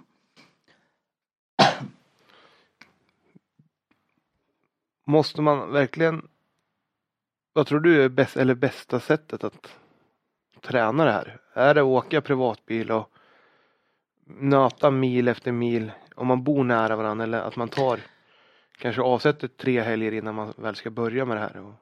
Ja men det är ju alltså jag vet som Elias Lundberg han eh, när vi började åka där så då mm, han han åkte ju till och från skolan via skogsvägar varje dag. Så på vägen första dagen då läste han in på telefon och så dag två när han, då åkte han samma vägar. Och då mm, korrigerade han sina noter bara liksom i, i huvudet då. Men alltså just den träningen, dag efter dag efter dag efter dag.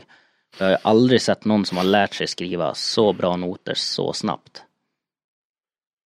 En cool grej att få veta är att det är så man kan träna också. Ja, ja men absolut. Det, det, det, så, det behöver inte vara svart och vitt på papper utan det är, man kan ju sitta när som helst och du behöver inte spela in det heller utan bara det här att liksom sitta och sätta noter hela tiden gör att du får in det i ryggraden och att, eh, att det sätter sig, att man blir säker på det. Det kan jag tänka mig. Och som sagt, när man har det i ryggraden så är det så mycket enklare att plocka fram det när det väl behövs sen. Ja men precis. Det, det kommer ju alltid en massa lite krångliga ställen på ett rally och då är det bra om liksom de här grundgrejerna sitter som ett smäck för att liksom kunna få till de ställena.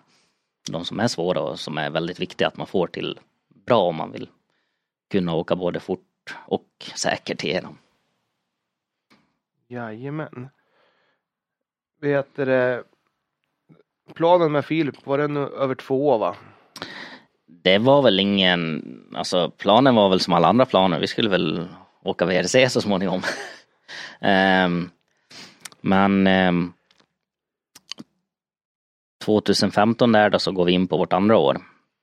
Och då eh, har vi gått över till junior-SM då. Och det året började väl lite halvtråkigt men ja, lite svårt att säga, men någonstans mellan tre och fem varvsrullning i Lima helgen innan SM-premiären.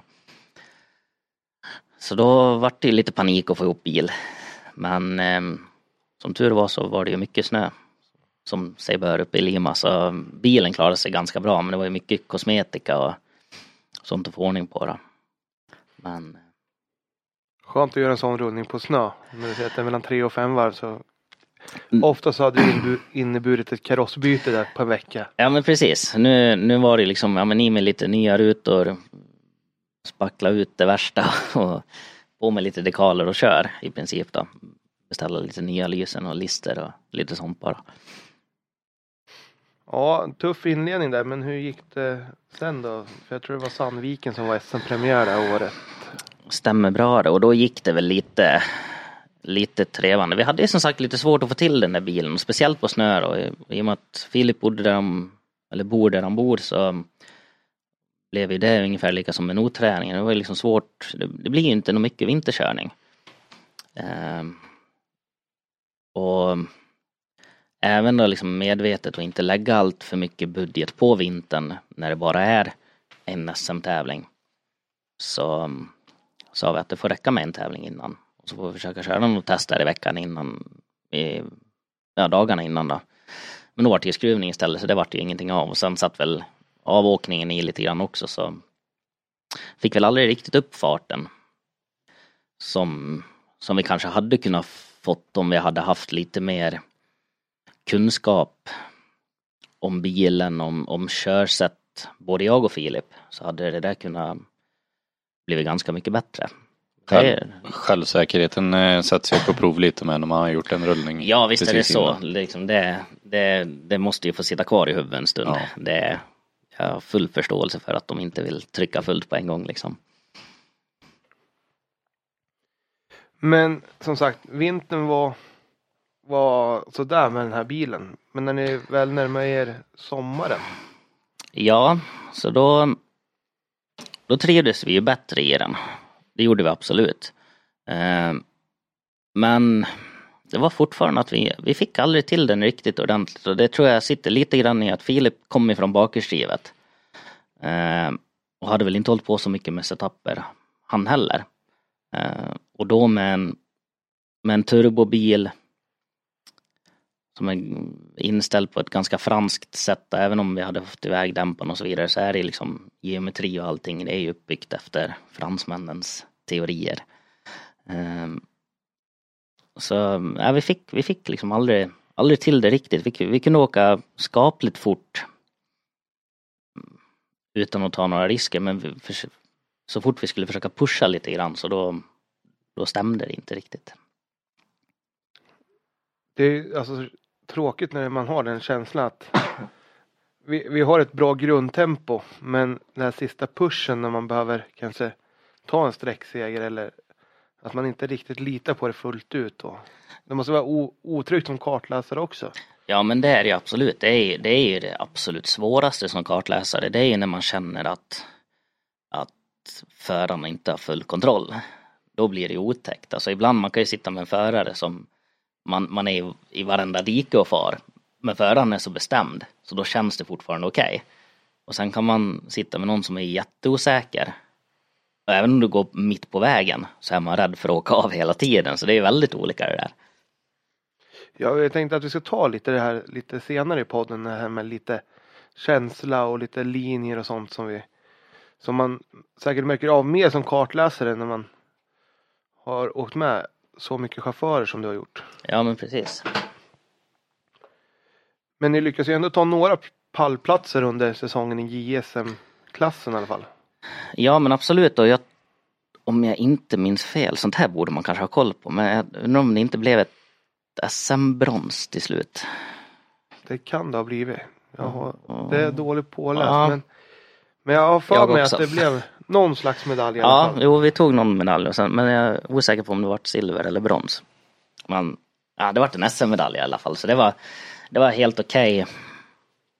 Efter ett år som vi kände då, liksom hade gått tungt och så, så var det ändå skönt att få avsluta med den, med den SM-medaljen. Det kan jag verkligen förstå. Och var det din första SM-medalj då? Jag tror det. Jag, jag har aldrig lagt någon jättestor vikt vid, vid de där medaljerna utan det är mer eh, Nej men det, det måste det ha varit. Det måste det ha varit. Ja, men som sagt 2015 avslutar du med att åka med någon ny kille. Ja, Mr Alexander Famé. En, en av mina bästa vänner. Som vi har hittat på mycket tok ihop på fritiden. Och en del folkrace ihop och så också. Ehm, han köpte sig en wok.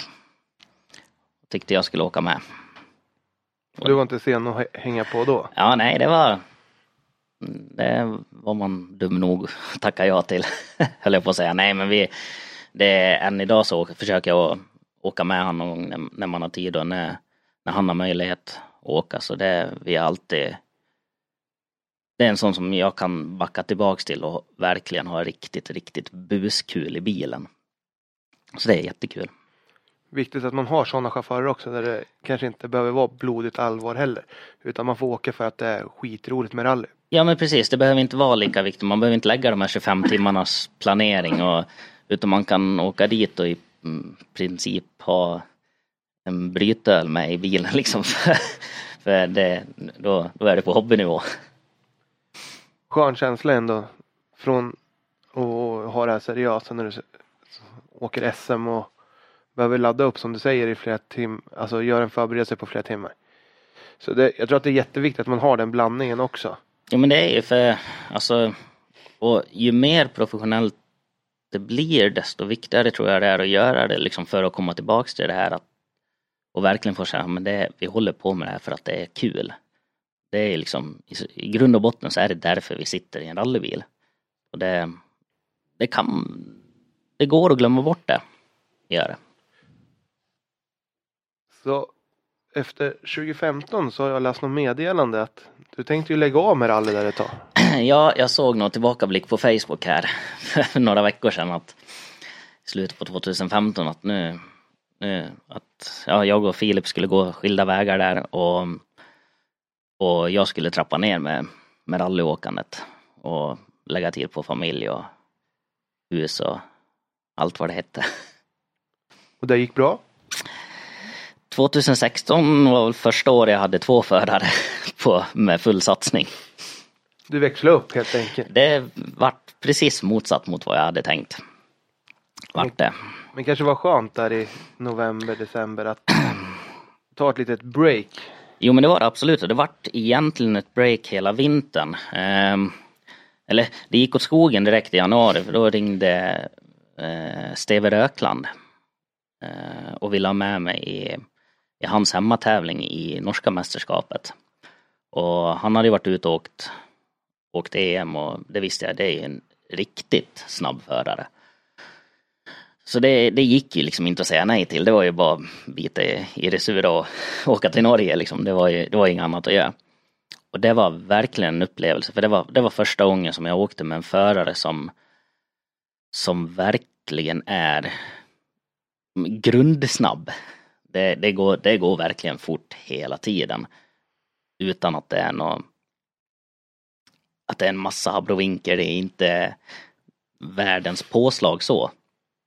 Utan det går bara väldigt fort helt enkelt. på ett säkert sätt. Och det, det, var, det var en helt ny grej och då fick man liksom fick man upp ögonen för en ny dimension av det. Att okej, okay, det är så här vi ska jobba, det är så man kan tänka. Det, det, var, det var väldigt... Och då fick man ju motivation igen. och var det första utlandsstarten för dig också? Eh, ja, nej, jag och Anton Eriksson hade varit ner och åkt eh, eh, Rally Sörland. Det ingick i Fiesta-cupen där något år, om det var 2010 eller 2011. Okej, okay, så du hade i alla fall en, en start ja, utanför Sveriges gränser ja. innan du åkte? Ja, precis. Hur funkar det med språket då? Ja, Steve kommer ju ifrån Kongsvinger. Så har man bara pratat med en del Torsby-folk så då, då är det ingen större fara. Det är väl skönt det i alla fall när det, när det är på den nivån. Ja, jo men precis. Det är värre när man kommer långt söderut i Norge eller upp mot bergen där då, då är det ju svårare att hänga med. Det kan jag förstå. Alltså, Norge har ju också sina dialekter om man säger, som vi har här i Sverige. Jajamän, och norsk skånska är inte att leka med. Nej, jag kan ju förstå att det är inte det lättaste att begripa sig på. Men eh, i det läget är det han som ska förstå dig. Jo, men jag, jag, ska fortfarande, när vi, när vi åker reken, och för här skriver ja. vi egna noter då. Ja, ja. Så är Hur det, han vill ha det. Ja, det är ju bra om jag ser, eller vet vad jag ska skriva. Ja, är en bra början. så åkte du med Andreas Israelsson i hans Corolla i Lima. Stämmer bra det. Och det är ju också, där har vi en som inte justerar så mycket setuper och så vidare utan han är ju en gudabenådad chaufför, liksom rent, han har det i ryggmärgen. Eh, jämfört med Steve Rökland så var det ju det här att det går ju lika fort på många ställen och så blir det en abrovink på något ställe och så går det lite för långsamt på något ställe och så går det lite för fort på något ställe. Och... Jag kan säga det är nog den, ja, den som varit uppe högst på två hjul utan att rulla som vi har sett. Ja, där vi stod. Det, ja, du stod där också ja. Um, Ja, det var en upplevelse. Det det var så här, jag vet inte hur många gånger Andreas har åkt i den svängen. Så jag, jag vet inte riktigt vad han hade för plan när han gick in i den men Farten var bra i alla fall. Ja, det är in i alla fall. Ut var väl sådär kanske. Ja, det tog lite längre tid än att mm. åkt mitt på vägen i alla fall. Kan vi vara överens om. Kan tänka mig det. Nej men det är, det är, alltså åka med, med Andreas Israelsson i, i Lima. Det är ju alla som får göra det ska ju vara glada liksom. De, det är hans absoluta favorittävling i hela landet så det är väldigt kul upplevelse. Det kan jag verkligen förstå. Men du sa att du skulle åka med två chaufförer här året. Och, ja. Och vilka är det du kommer åka med? Det börjar ju där med um, en herre vid namn Anders Banger som har jobbat mycket med Emil Bergqvist genom tiderna. Hörde av sig och frågade vad jag skulle göra 2016. Jag sa att jag ska vara hemma med familjen. Nej, det ska inte alls det. Du ska åka rally, sa han. Jaha, sa jag och frågade med vad, vad han hade på G. Och då var det en liten kille vid namn Elias Lundberg som ännu inte hade fyllt 18. Um, ehm, och det verkade jäkligt kul. Så jag mm, hamnade i kontakt med, med familjen Lundberg där och vi började jobba på noter och den biten innan han fyllde 18 där. Så han, han jobbade på riktigt ordentligt med det där och sen um, sa vi, ja men vi provar. Och så åkte vi ner och åkte Silverkongen, kan det heta så? Neröver i Sverige, det var Martinsson noter i alla fall och det var väl en, om det var 170 bilar ungefär som gick i mål. Och det var Elias första tävling som C-förare, Elias första tävling med noter och vi blev 12 eller 14 bil totalt i tävlingen. Och då kände jag att jaha, det här, det här kan man ju liksom inte hoppa. En liten pojkstackare som kommer liksom ett tolva totalt bland alla bilar med en bok. det är stenhårt. Och som C-förare också. Även fast Elias hade åkt mycket ungdomsrally innan så är det ändå att Ja. börja lyssna på någon som sitter och pratar i öronen på en och, och det här. Ja men precis och det var ju, ja då fick man ju, för jag hade väl lite inställningen till det där att nej men jag skulle ju helst inte vilja backa tillbaka och åka wok ett år och speciellt inte liksom när jag hade tänkt att inte åka någon rally.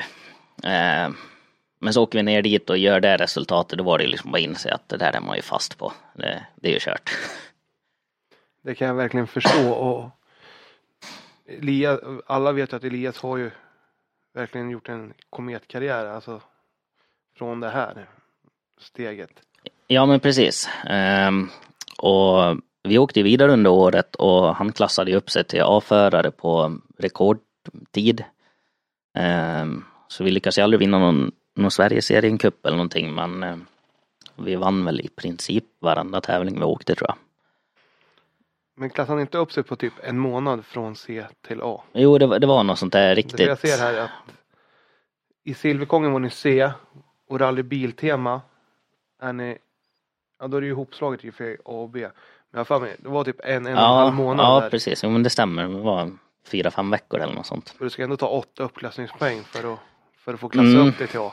Tre Precis. i C och sen fem i B. Så det är ju riktigt, riktigt bra gjort. Ja, precis. Så det var ju, och det var ju också en sån kille som alltså det, ja, alltså, och det, det gäller än idag. Alltså, när jag sitter i bil med Elias, han kan göra, han kan göra vad han vill. Om vi är bredvid vägen och åker så jag, jag bryr mig inte för det är liksom, det, den tilliten har jag till honom. Så det är väldigt skönt som kartläsare att åka med en sån människa. Det kan jag verkligen förstå att man har trygg, alltså tryggheten i kroppen.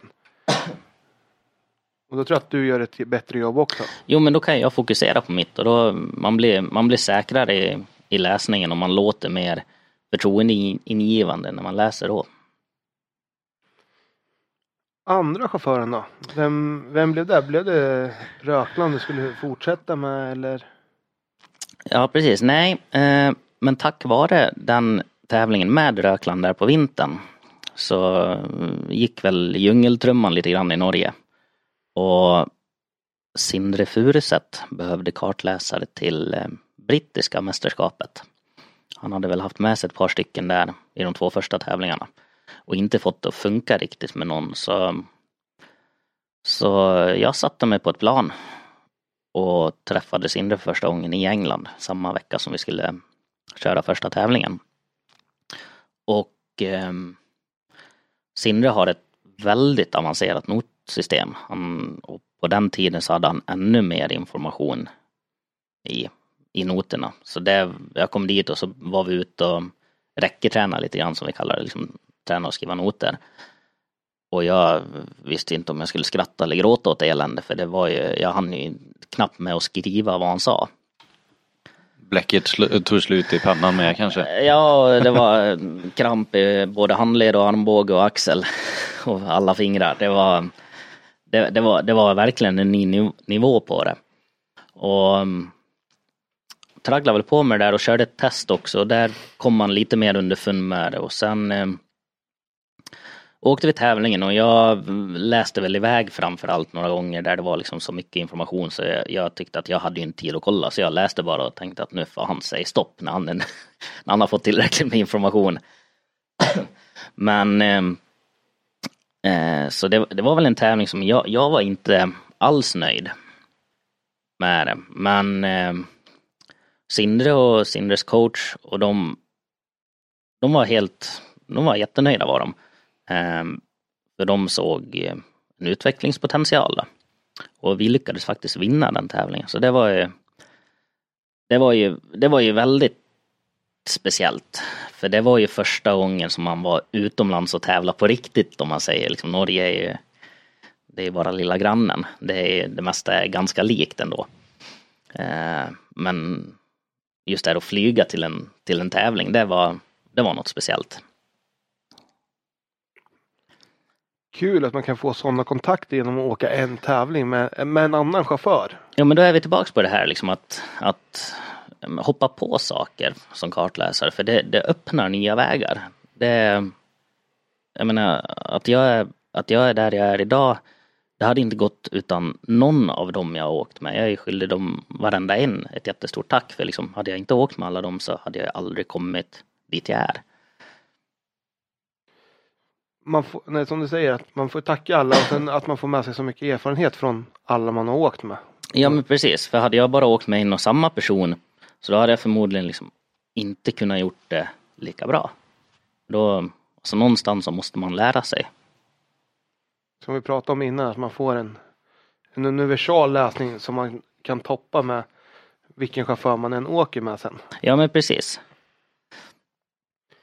Fortsatte du åka med Sindre under brittiska mästerskap eller hur såg det ut där sen?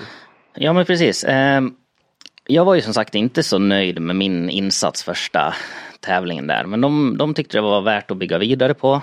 Så det var ju hem och så analysera Incard-filmerna.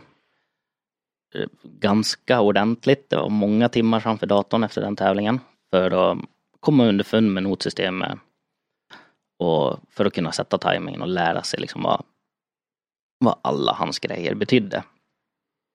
Och till att börja med så är det ett notsystem som är uppbyggt på svenska, norska och engelska. Så det är ju liksom en hel kompott med, med språk i det där. Svengelska har man ju hört men det blir ju svängnorsk, Ja. engelsk. Precis. det blir nog väldigt konstigt.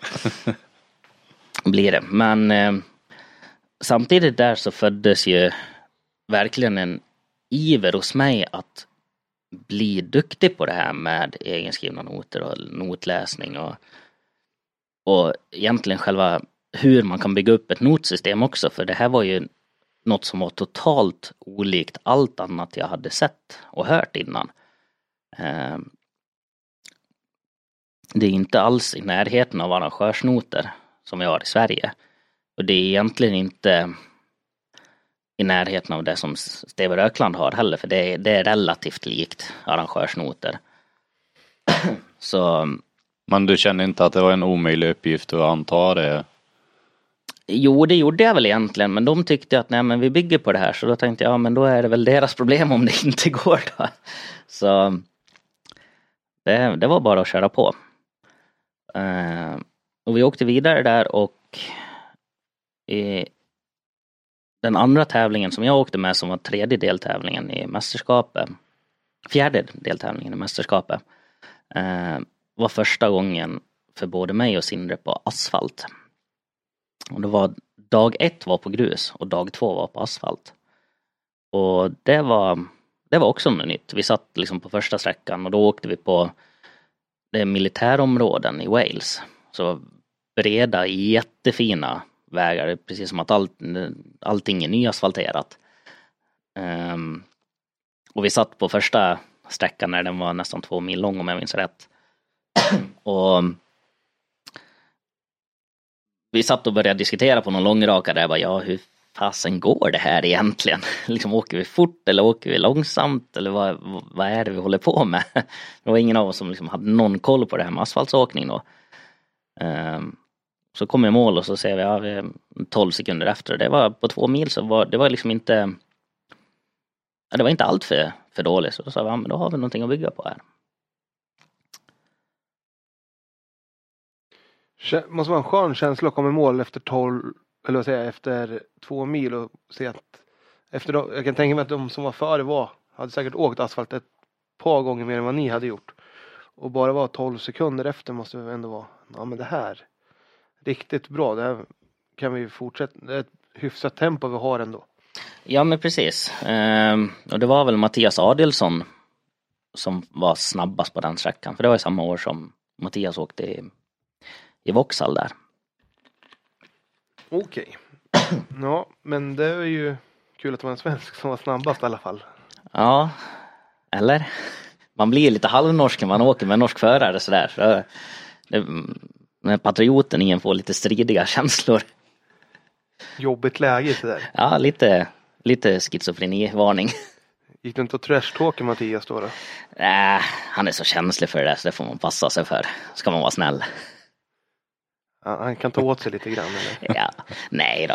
Det, det, vi har ju tävlat mot och, och med varann många gånger både före och efter. Jag har åkt med Mattias på något test också. Det, Nå, det funkar ju hur bra som helst så. Jag tror att du har berättat någon gång att han har försökt köra några Gö- Göteborgsvitsar på engelska. Ja, herregud vilken misär. När han står i en TK-kö med, och vi är en 15 pers varav ja, vi är två som förstår honom på svenska. Och så ska han dra Kolle och Ada ror i en båt någonstans på engelska. Och jag Ja. fattar inte ens den på svenska kan jag säga. Nej, nej den, den är tämligen misslyckad på engelska. Ja. Han har ju sina idéer den där mannen. Ja, han, han kan. Ja, och sen om man lyckas varje gång, det, det är en annan sak. Ja, Hur är det med Elias då här? Åker du något med honom under tiden eller? Ja, det här blir en dubblering då. Ehm, blir det. Och med Elias så gör vi ett inhopp i... Det är första gången när vi får låna Ola Axelssons 940 grupp på. Och det var ju spännande för då är vi tillbaka på det med bakhjulsdrivet. Och det var ganska länge sedan jag hade åkt igen. Och det, det var en utmaning på nytt var det. Var det. Just liksom när det blev grupp H. Det är VOK och grupp H, det är inte riktigt samma sak. Nej, Wokter handlar det mycket om att få med sig farten hela, hela tiden och åka riktigt snygga linjer och ha en bra fart genom de flesta svängarna. I en grupp H kan jag tänka mig att det är mer att alltså du måste åka lite hårdare om man ska lyckas. Ja, ja det, det är lite både och.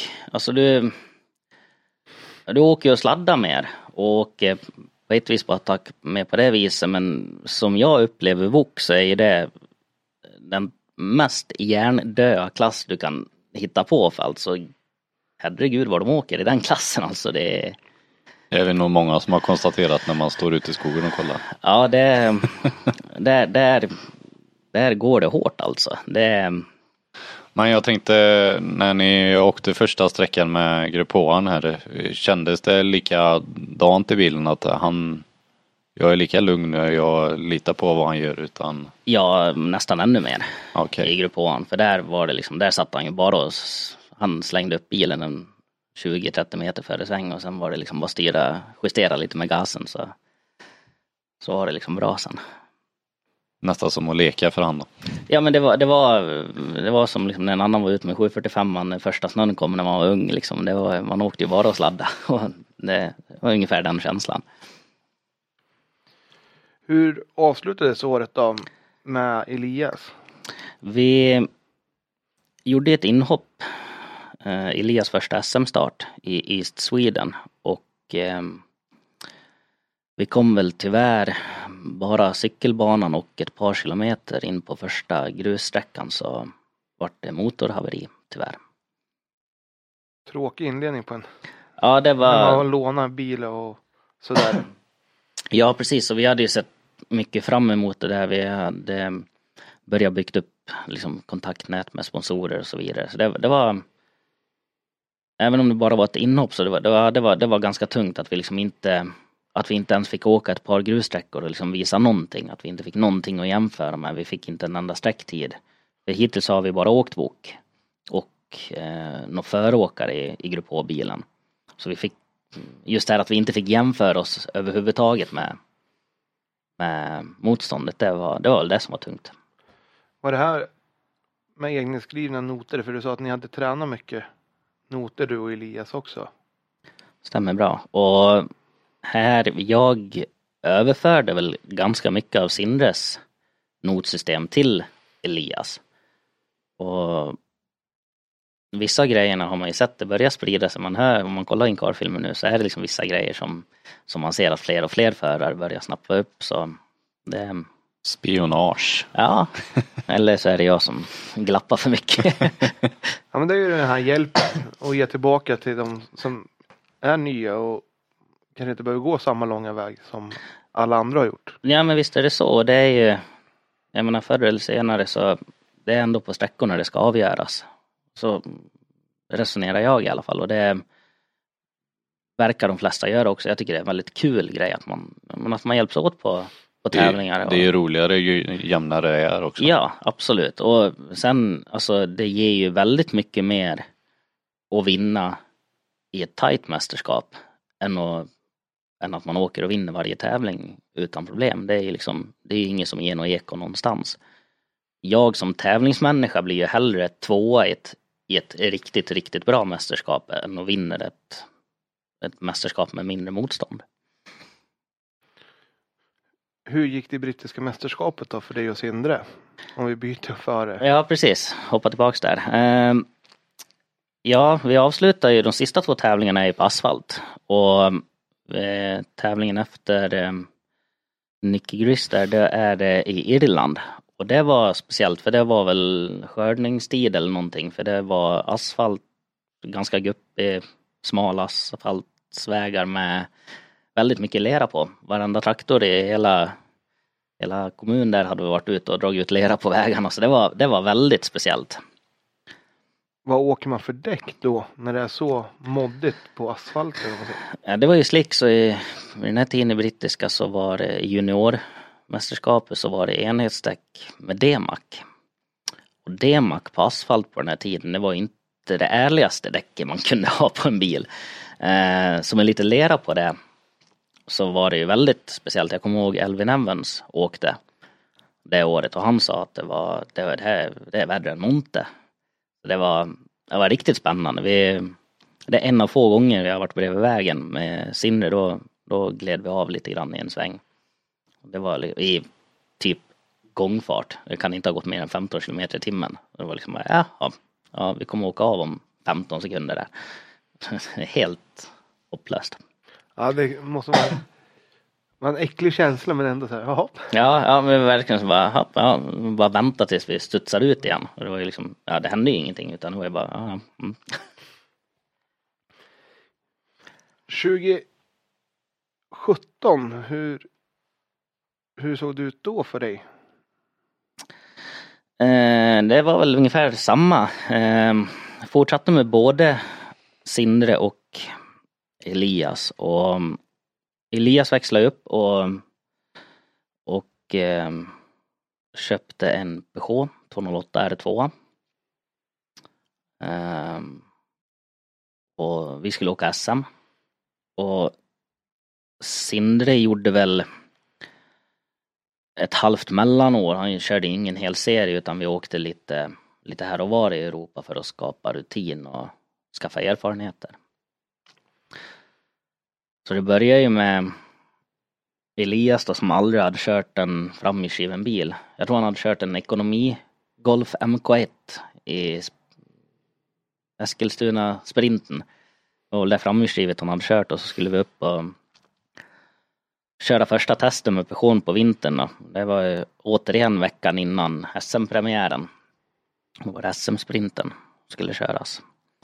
Och fick inte till bakändan riktigt på den här Peugeot till att börja med. Och testet slutade med eh, en liten framlängesrull. Det är inte, alltså du och så här, tester, eller ja, mm. vin, vinter mm. överlag känns som. Mm. Är, Nej. är det en sån bra kombo? Nej, det, jag har aldrig tyckt om vintern och det visar sig i rallyresultaten. Tror jag. Eh, men återigen tur att det var vinter och jag har väl aldrig varit med om att en framlängesrull har gått så pass bra för det var, det var på femmans växel och det högg i så. Men det vart inte jättedyrt ekonomiskt och det vart inte jättemycket på bilen heller så det Vi fick ordning på bilen och åkte upp till SM-sprinten eh, och lyckas faktiskt vinna den hans första tävling i en framhjulsdriven bil. Det är ju talang. Det är verkligen. talang. det är talang. Vi, nu, det var något sånt där sjukt, vi hade verkligen marginalerna på vår sida, det var bara några tiondelar men det var fortfarande när vi åkte dit så var det liksom, ja men är vi topp fem så är det hur bra som helst. Missminner jag mig eller var det så att det, kvalet där var en SM-deltävling också? Det stämmer, ja och det var, ju där, det var ju den tävlingen vi vann. Vi vann inte själva sprinten utan det var ju den SM-deltävlingen vi vann som var som... Eh, Då slog du ihop båda kvalåken, eller hur? Det stämmer nog, ja. Det var ett lite annat upplägg. Och sen var det ju en final i, i sprinten sen. Ja precis, och, ja, och då körde man ju två vändor till och sen, ja dag två där såg väl ut som SM-sprinten gör idag tror jag va.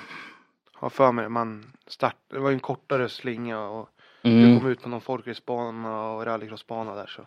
Ja, precis. Om jag inte missminner mig så var vi var vi enda R2 som tog oss vidare till finaldagen. Kanske var en till. Mycket möjligt att eh, Ja. ni var två kanske. Ja, som- jag- som ja, tog undrar om inte var det. vidare. Men ni var ju en av få som, ja, ni var väl, var ni topp fem eller? Jag tror vi blev sexa. För jag har för mig det var jäkligt tajt. Ja. Var det där när finalåken skulle köras så i kvalen där så då var vi, då tror jag vi var tvåa, trea i kvalen men sen när finalen skulle köras då, då orkade vi inte riktigt med. Men en skön inledning på säsongen att få fulla SM-poäng med sig. Ja men absolut åka hem därifrån liksom just med den framlängesrullen i bagage och eh, inte åka något framhjulsdrivet för Elias. Det var ju liksom, ja det var ju sjukt långt över förväntan var det. Exakt. Och när man fortsätter resten av säsongen så blev det ju inte lika roligt i Östersund sen. Nej, där fick vi problem med motorn redan på inledande sträckan och tappa 50 sekunder eller någonting och så försökte vi få ordning på det där på servicen men eh, men det var bara att konstatera att motorn Nej, vi böt några VVT-ventiler eller något sånt där och sen eh, men första sträckan dag två sen så då då var det ras.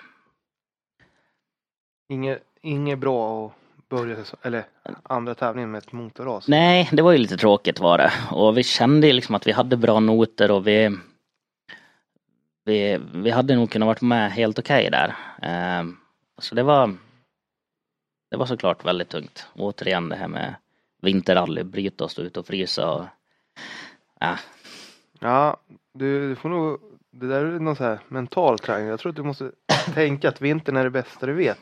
ja. Kanske vänder någon gång. Eller så skaffar man förare som inte åker så mycket vinter. Ett alternativ också. Vi fortsätter framåt våren då. Och du fortsätter med Elias. Du Ja. åker rätt mycket tävlingar för att få upp en bra fart kan jag tänka mig. Ja men precis. Och då vart det ju liksom återigen då grus och framhjulsdrivet. Hur är det då? För Elias del. Eh, men det det funkar väldigt bra. Vi drog iväg och åkte Gotland och kommer jag inte ihåg vad vi blev i klassen men jag för mig vi var på pallen. Kommer inte ihåg. Men det, vi fick liksom in en ganska bra känsla på en gång och justerade lite inställningar på bilen och fick väl till bilen på ett sätt som passade Elias så att han kände sig bekväm med den. Fick bort det där liksom att bakändan var, var lite nervös som vi hade problem med på vintern. Eh, sen eh,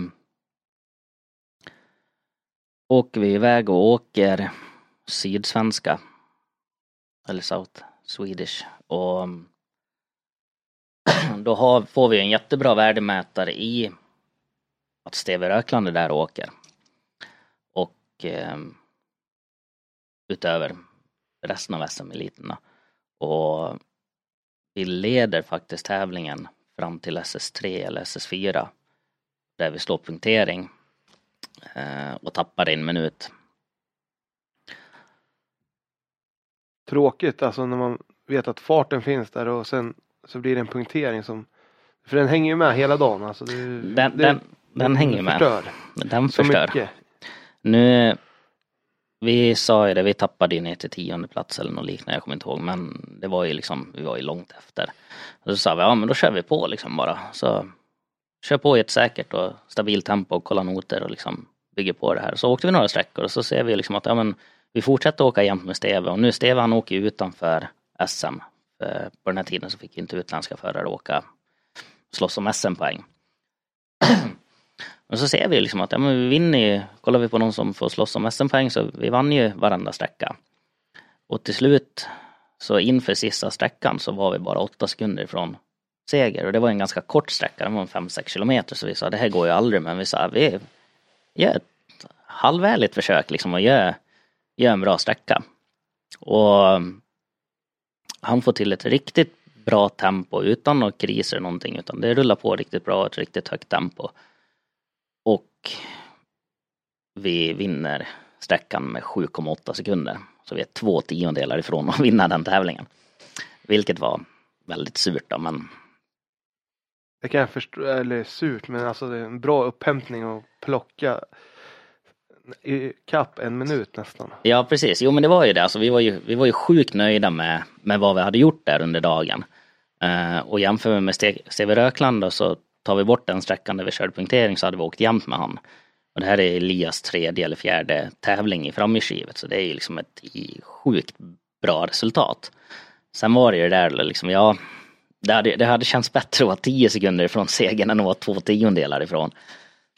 Alltid jobbigt att falla, alltså vara så nära men ändå så långt bort. Ja men precis. Och, men äh, det var ju liksom, jag menar vi skrattade ju där när det var liksom bara eh, när de sa i, i radion i mål liksom att ja, ni är två tiondelar ifrån bara, du skämtar.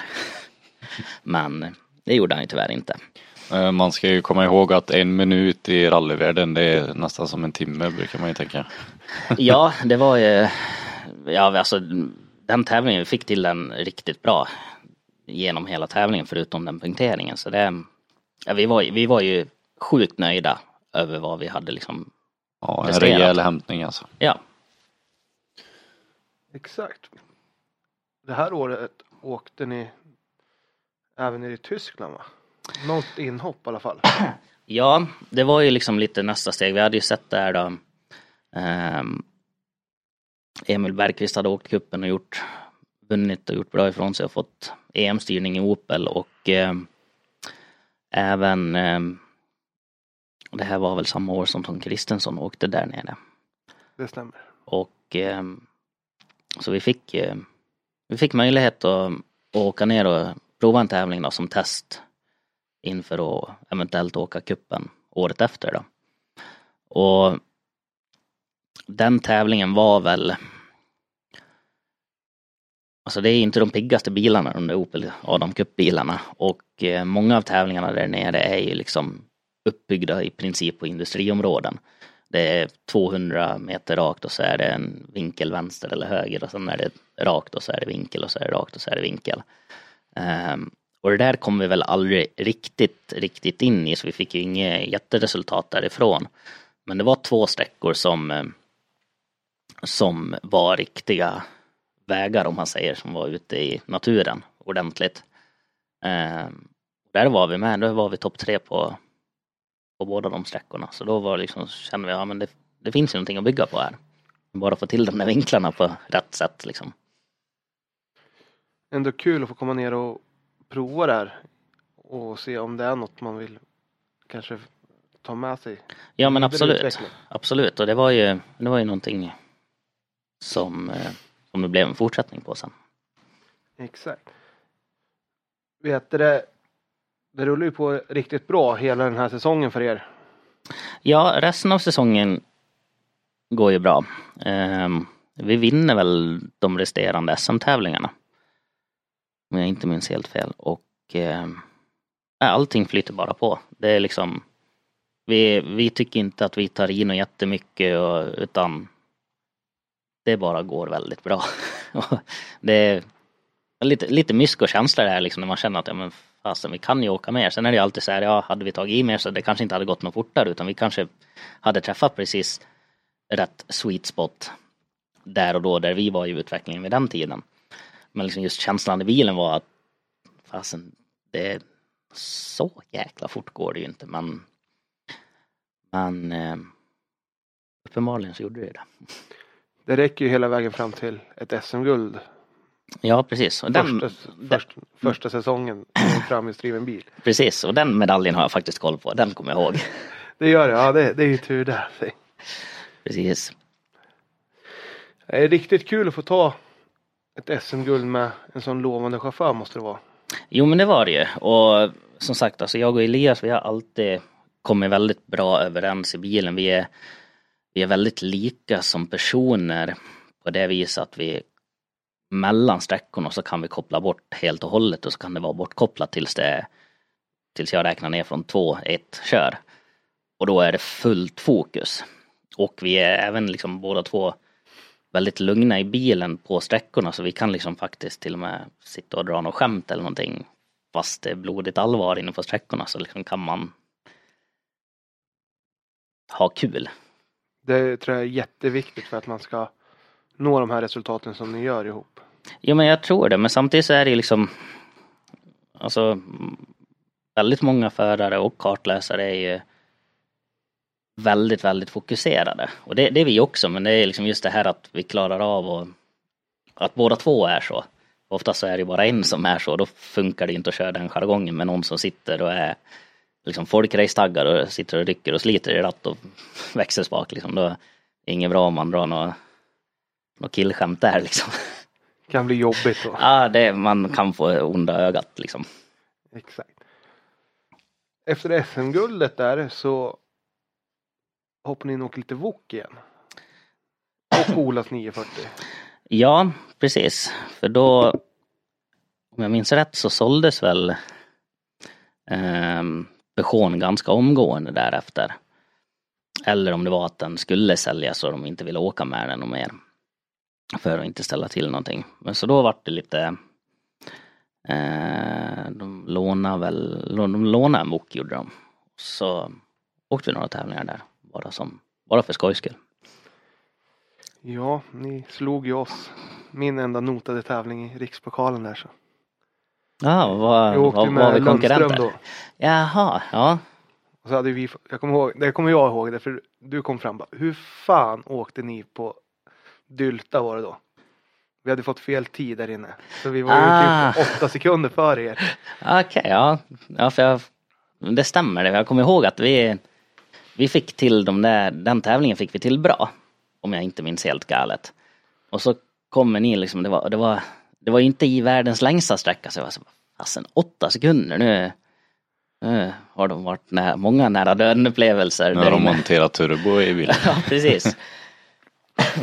Nej, så jag skulle ju ha varit kall där men Ja. nervös som man var där. Aldrig läst noterna så kommer du fram och bara, hur fan åkte ni? Jag bara, nej det, tiden stämmer inte. Ja, För jag tror vi, det stod att vi ledde med två sekunder eller något inför sista. Men Ja. Ja, för då, ja precis, det var inte första sträckan heller utan det var ju där mitt i tävlingen. Det var därför vi blev lite nervösa och tänkte vad fan har Lundström-pojken hittat på nu men det var turligt nog ett tidfel. ja, det var ju det. Med, med, med lite mer rutin så då, då gör du inte samma misstag igen. nej, det får vi, får vi träna på. Hade du, hade du varit tyst där då kanske vi hade legat i skogen på sista. Ja, för jag har för mig att båda vi fick köra om en, en bil på, på sträckan också. Sista sträckan. Ja, kanske. Ja, vi fick göra det. Det Ja. var ju därför vi tappade det. Ja, ja, ja, ja. självklart. självklart. Nej, men här så skulle jag säga att det tar en vändning för dig i karriären. Ja. Till, till 2017. Ja men precis. Ehm. och Eller till 2018 menar precis, 2018. jag. Ja, jag blandar ihop. Ja, jag, ty- jag tyckte jag hade koll men det försvann ju på en gång. Så jag var inte alltför säker. Nej men det började ju där egentligen. Alltså när jag började åka med Sindre så började det ju egentligen. Och som jag sa, liksom intresse för det här med noter och egna notsystem och hur man kan utveckla det. Och hela den biten. Och jag och Elias jobbade jättemycket med det och just det här att man börjar jobba med och analysera tävlingarna väldigt väldigt grundläggande. Eh, gör en väldans skillnad. Och just det här att börja jobba professionellt med det mer och mer. Och som till 2018 då, då var det mycket då blev det mycket utlandstävlingar. Då, då är det ju det här liksom som kartläsare då och, och åka med för att det är kul. Det blir liksom inte att funka. 2018 tror jag att jag hade någonstans mellan 80 och 100 resdagar. Och det Alltså jag personligen har inte råd med det. och liksom bara åka med gratis. Det kan jag tänka mig när man ska, när man ska resa så mycket så är det ju mycket ledighetstid från sitt vanliga arbete också. Ja men det blir det och sen eh, Jag menar nu Vi eh, 2018 så fick vi vårt andra barn också. Så liksom man har lite att det går inte att sätta sig i en etta och leva på luft och ingenting utan man har liksom lite ansvar där hemma också. Väldigt förstående flickvän verkar du ha. Ja, fru till och med. Ja, så pass. Ja. Eh, Men eh, ja, utan dem, utan fru och familj och hennes släkt och min släkt så skulle det aldrig gå att hålla på så här med, med barn liksom. Det är ju det är A och O i hela, hela grejen. Det gäller att bo nära dem. De man har kära också. Ja men precis. Så att inte de behöver resa så mycket. Ja men precis. Nu har vi så, jag och svärföräldrarna på samma gård till och med så det är väldigt enkelt att bara skeppa över ungarna. Det är ju perfekt. Det är väldigt smidigt. Men eh, Nej men här, så här, just det här att liksom komma in och göra de här riktigt stora planeringarna och eh, man åker till, som i Sinner, man åker till Norge en helg bara för att träna och analysera. Liksom, det, det börjar läggas mycket tid på det. Eh, 2018 så började vi åka EM-tävlingar också. Då är, det liksom, då är man ju borta en vecka. Så det, då börjar det ta tid. Verkligen. Och en, jag tycker om du säger att ni fick ert andra barn 2018 så har du ju en väldigt hög statistik på åkta tävlingar under året också. Ja, precis. Och här inför 2018 när vi visste att vi skulle få ett till barn så då var ju liksom, då var vi tillbaks på det här, men då lär ju fasen trappa ner så då då vart det ju det här att att eh, jag skulle behöva välja mellan Elias och Sindre. Um, och Elias vid den här tiden kämpade lite mer med budgeten så då kändes det liksom, ja men då, då kändes det bättre att gå och åka med Sindre. Det var, det var, jag tror till och med Elias team tog, tog det beslutet åt mig så jag behövde, i slutändan så behövde inte jag ta ett beslut överhuvudtaget ens en gång. Um, sen gick ju det åt skogen för då var det en kille vid Adam, namn Adam Westlund som ringde så då vart det ju dubblering i alla fall där då men och det var ju eh, med Adam så var vi ju tre co-drivers till och med som, som turades om att åka med. Så det var det ju liksom inte att man hade något fasta åtagande och ansvar att åka med. Då var det lite lättare att dubblera. Och Adam åkte ju mycket utomlands. Alltså han var- hade inte fyllt 18 då. Så han- han fick ju bara åka ungdomsrally här hemma och R2 och så åkte ni väl någon Hyundai också? Cup där. Ja men precis, vi var mycket i Lettland och Estland och åkte med R2an med Peugeot. Sen var vi mycket i Bulgarien och Rumänien och Kroatien kanske. Och åkte med, med den där Hyundai Cup-bilen då. Spännande länder att åka rallytävling i. Ja, första tävlingen i Hyundai-cupen det var, det var ett äkta Monte Carlo för det var bergsvägar med snö och is på slicks. Vi fick inte ens ha något dubbdäck så det var det var riktigt spännande, speciellt när man kom till något, kommer ihåg det var en sträcka som vi åkte upp ett väldigt högt berg och så var det regrouping där uppe i någon timme och sen skulle vi åka ner för samma sträcka igen. Och på vägen ner där på reken så liksom av en 200 meters raka ner som skaplig nedförsbacke och sen i princip vinkelhöger eller en högerhitta liksom längst ner i botten för det där. Och rätt fram, inget räcke och så jordens stup och där stod det väl några minneskors. Så där var det liksom bara här tar vi det lugnt. Här. Liksom en 17-årig kille som liksom ville ganska mycket bakom ratten och här. Jag kliver ur bilen om jag känner att det går för fort här. Och jag hoppar ur.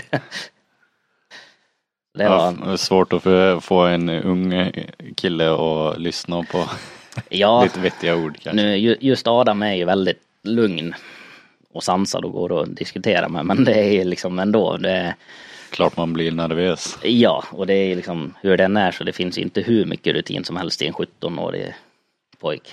Och sen om du säger att det var som Monte Carlo också så kan tänka mig att det glider på lite. Ja, nej, upp, upp, för den där sträckan så var det liksom något ställe där man tänkte att nu, nu fastnar vi. Nu på vägen liksom. För det, vi, vi fick som sagt inte åka med någon vinterdäck. De var varken sajpade eller dubbade utan det var sommarslicks vi åkte på. Så det var, det var intressant. Men du säger att du dubblerar. Vem åker du med med en Adam här nu då? Jag fortsätter åka med Sindre, ja, ja. Och vi börjar åka eh, några EM-tävlingar. Eh, Sindre köper in en, eh, en Opel Adam. Eller det hade han väl gjort året innan redan till och med. Som vi börjar åka med. Men nu ska vi satsa med den i EM då. Några utvalda tävlingar. Och det gick väl både väldigt bra och riktigt, riktigt dåligt. För vi kom väl inte i mål i någon, i en enda tävling. Um, hade väldigt mycket tekniska problem med den bilen. Det var, det var ett par motorras och, och framvagn som säckade ihop. Tråkigt när man inte kan rå före själv utan det är andra grejer som går sönder. Ja precis, så Sindres team som i princip alla andra slåss väldigt mycket med budgeten men han har fruktansvärt bra folk runt omkring sig. Och är det någonting de lägger pengar på så är det att ha ordning på bilen. Så vi var ju liksom väldigt Det var ju väldigt skuffande som det heter på norska liksom att, och inte få visa några resultat för vi kände ju liksom vi Vi hade ju någon sträckseger där och ehm, Ja, det, vi var ju med och slog, slog som pallplatser hela tiden men det ville sig inte riktigt tråkigt när det blir så när man ska ut i Europa också. Du säger det är ju massa tid som, som inte syns som man läggs också. Ja men precis och en, och en massa pengar och det var ju liksom, vi fick ju aldrig åka hela det var väl i Italien vi fick åka mest, då bröt vi slutet på dag ett. Som Barum i Tjeckien där, då, då bröt vi några kilometer in på SS2 första dagen och sen eh, dag två så då bröt vi 5-6 kilometer in på SS1. Båda, båda gångerna mitt på vägen liksom uh, hjulupphängningen ger upp. För små grejer. Uh, då, då, då får man ju liksom, och det kostar ju ungefär lika mycket men då vi får, vi får ju inte någon erfarenhet och det var ju det vi ville ha. Vi ville ju liksom få, få milen i kroppen och få åka tävlingarna och, för att förbereda oss för nästa år. Då är det väldigt tungt när man liksom inte får det. Det är det. EM har ju varit rätt återkommande tävlingar år efter år. Det är några som har bytts ut och kommit till så här. Men det är ju som du säger viktigt att få erfarenheterna i full fart på de vägarna där. Jo men det är ju det och det är ju, alltså när vi kommer till EM så då är det väldigt mycket olika vägar. Um, och det är ju, alltså jämför med Sverige och Norge så här har vi ju, det är väl egentligen det enda som är riktigt tråkigt, eller tråkigt är fel ord, men det, det är det vi saknar mest i Sverige egentligen, alltså vi har, vi har lite för fina vägar helt enkelt.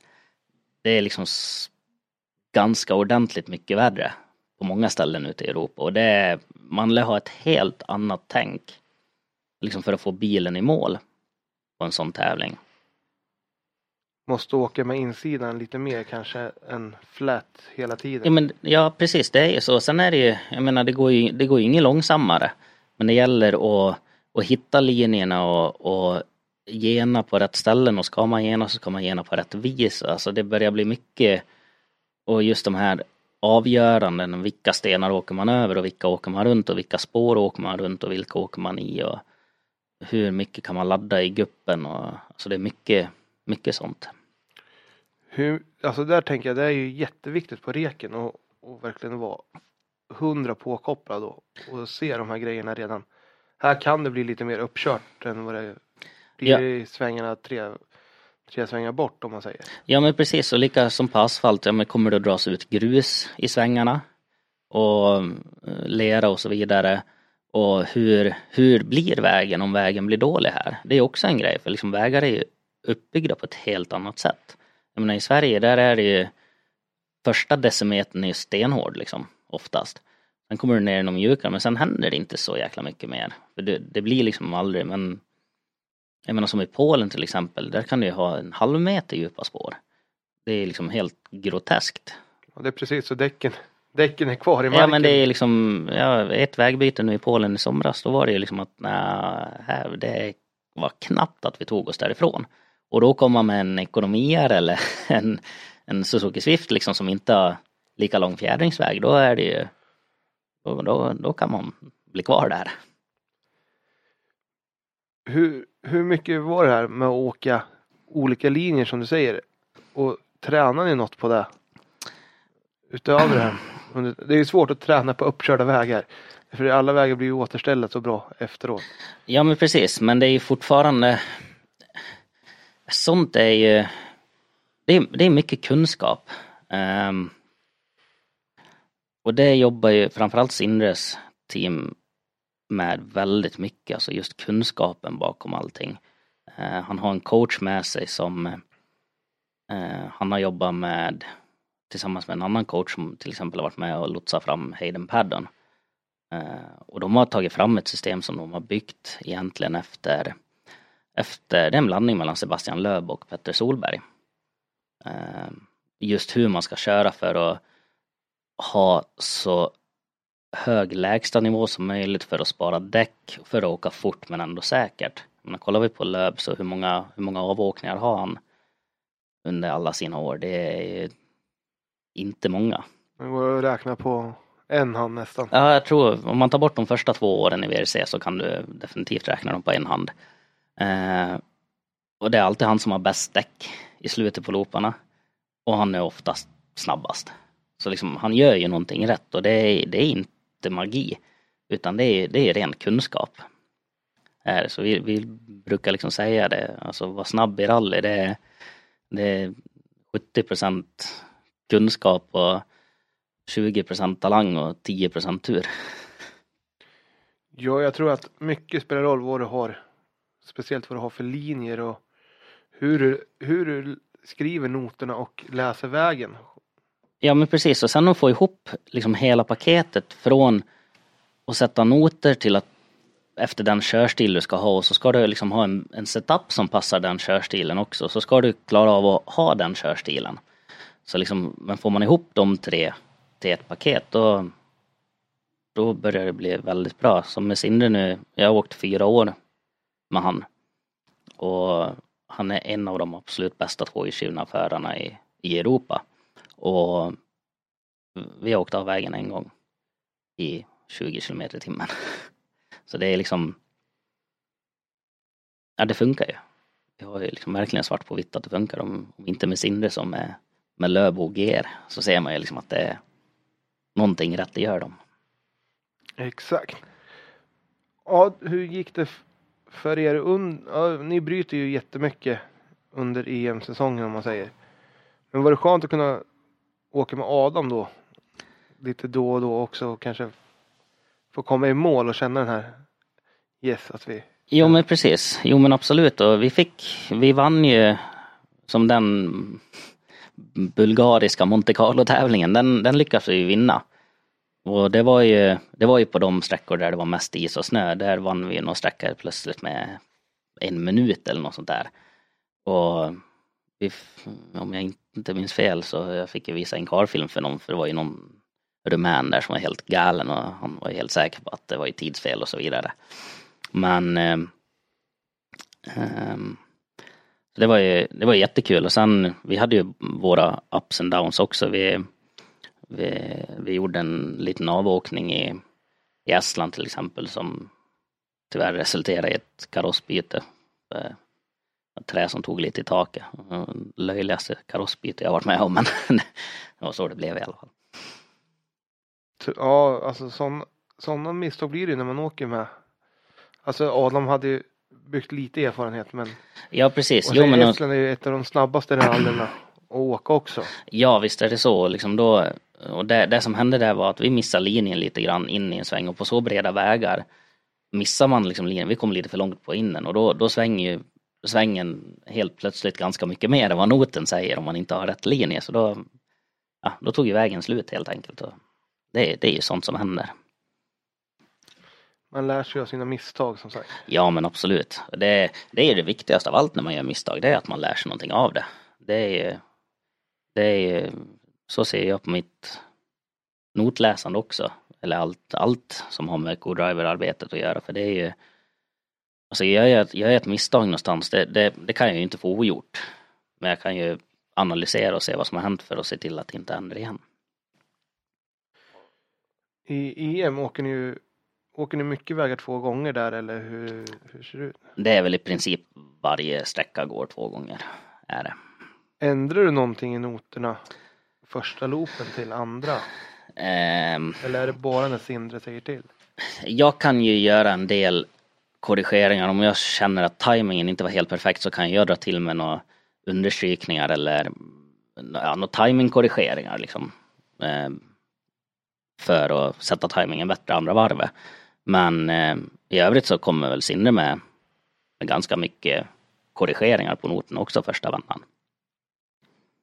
Skönt att ha det samspelet i bilen att han vet att du korrigerar Ja, ja men precis. och sånt och han korrigerar om det är något annat om man säger. Ja men precis och det är lika, jag kan ju vara med och korrigera några noter jag också om, om jag liksom känner att att det där, det där stämde inte så kanske liksom inte föraren känner eller vet direkt, han koncentrerar sig för mycket på körningen så han kan inte säga att det ska vara det istället. Då kan jag liksom bara haspla ur med en, ja, sätta en minus på den. Ja, så är det liksom ur världen. Vi pratade ju lite om innan vi startade podden eh, hur, hur det är att inte se vägen ibland utan du känner ju vart Ja men hur precis. bilen beter sig lite, hur, hur det svänger. Ja men precis. Eh, moderna bilar de är ju liksom ganska höga invändigt och jag är ganska kort i överkroppen så det är inte, jag ser inte vägen så mycket alls. Eh, Och det var som jag sa, det måste ju vara svårt att inte kunna se vägen när du läser noten men då, då sa ju du, du känner ju hur man hur bilen är och vart den är och ja men precis och då kommer vi på det här då som vi pratade om att alltså så länge noten är riktigt bra så då, då är det inga problem för då man skapar sig en ryggradskänsla på vart man är någonstans. Eh, Och vi pratar ju om mil i kroppen och du har ju ett par mil i Ja men precis. Och det är ju liksom ingenting man kanske kan förvänta sig när man börjar läsa utan det är ju sånt som kommer mer och mer och med, desto mer man jobbar in sig på ett notsystem så, så blir det ju får man ju mycket bättre känsla för det såklart. Och en annan grej jag tänkte på, ni- du har ju åkt med väldigt många olika förare. Har det hänt att du har blivit åksjuk någon gång? Nej, åksjuk har jag inte blivit. Åkrädd har jag blivit.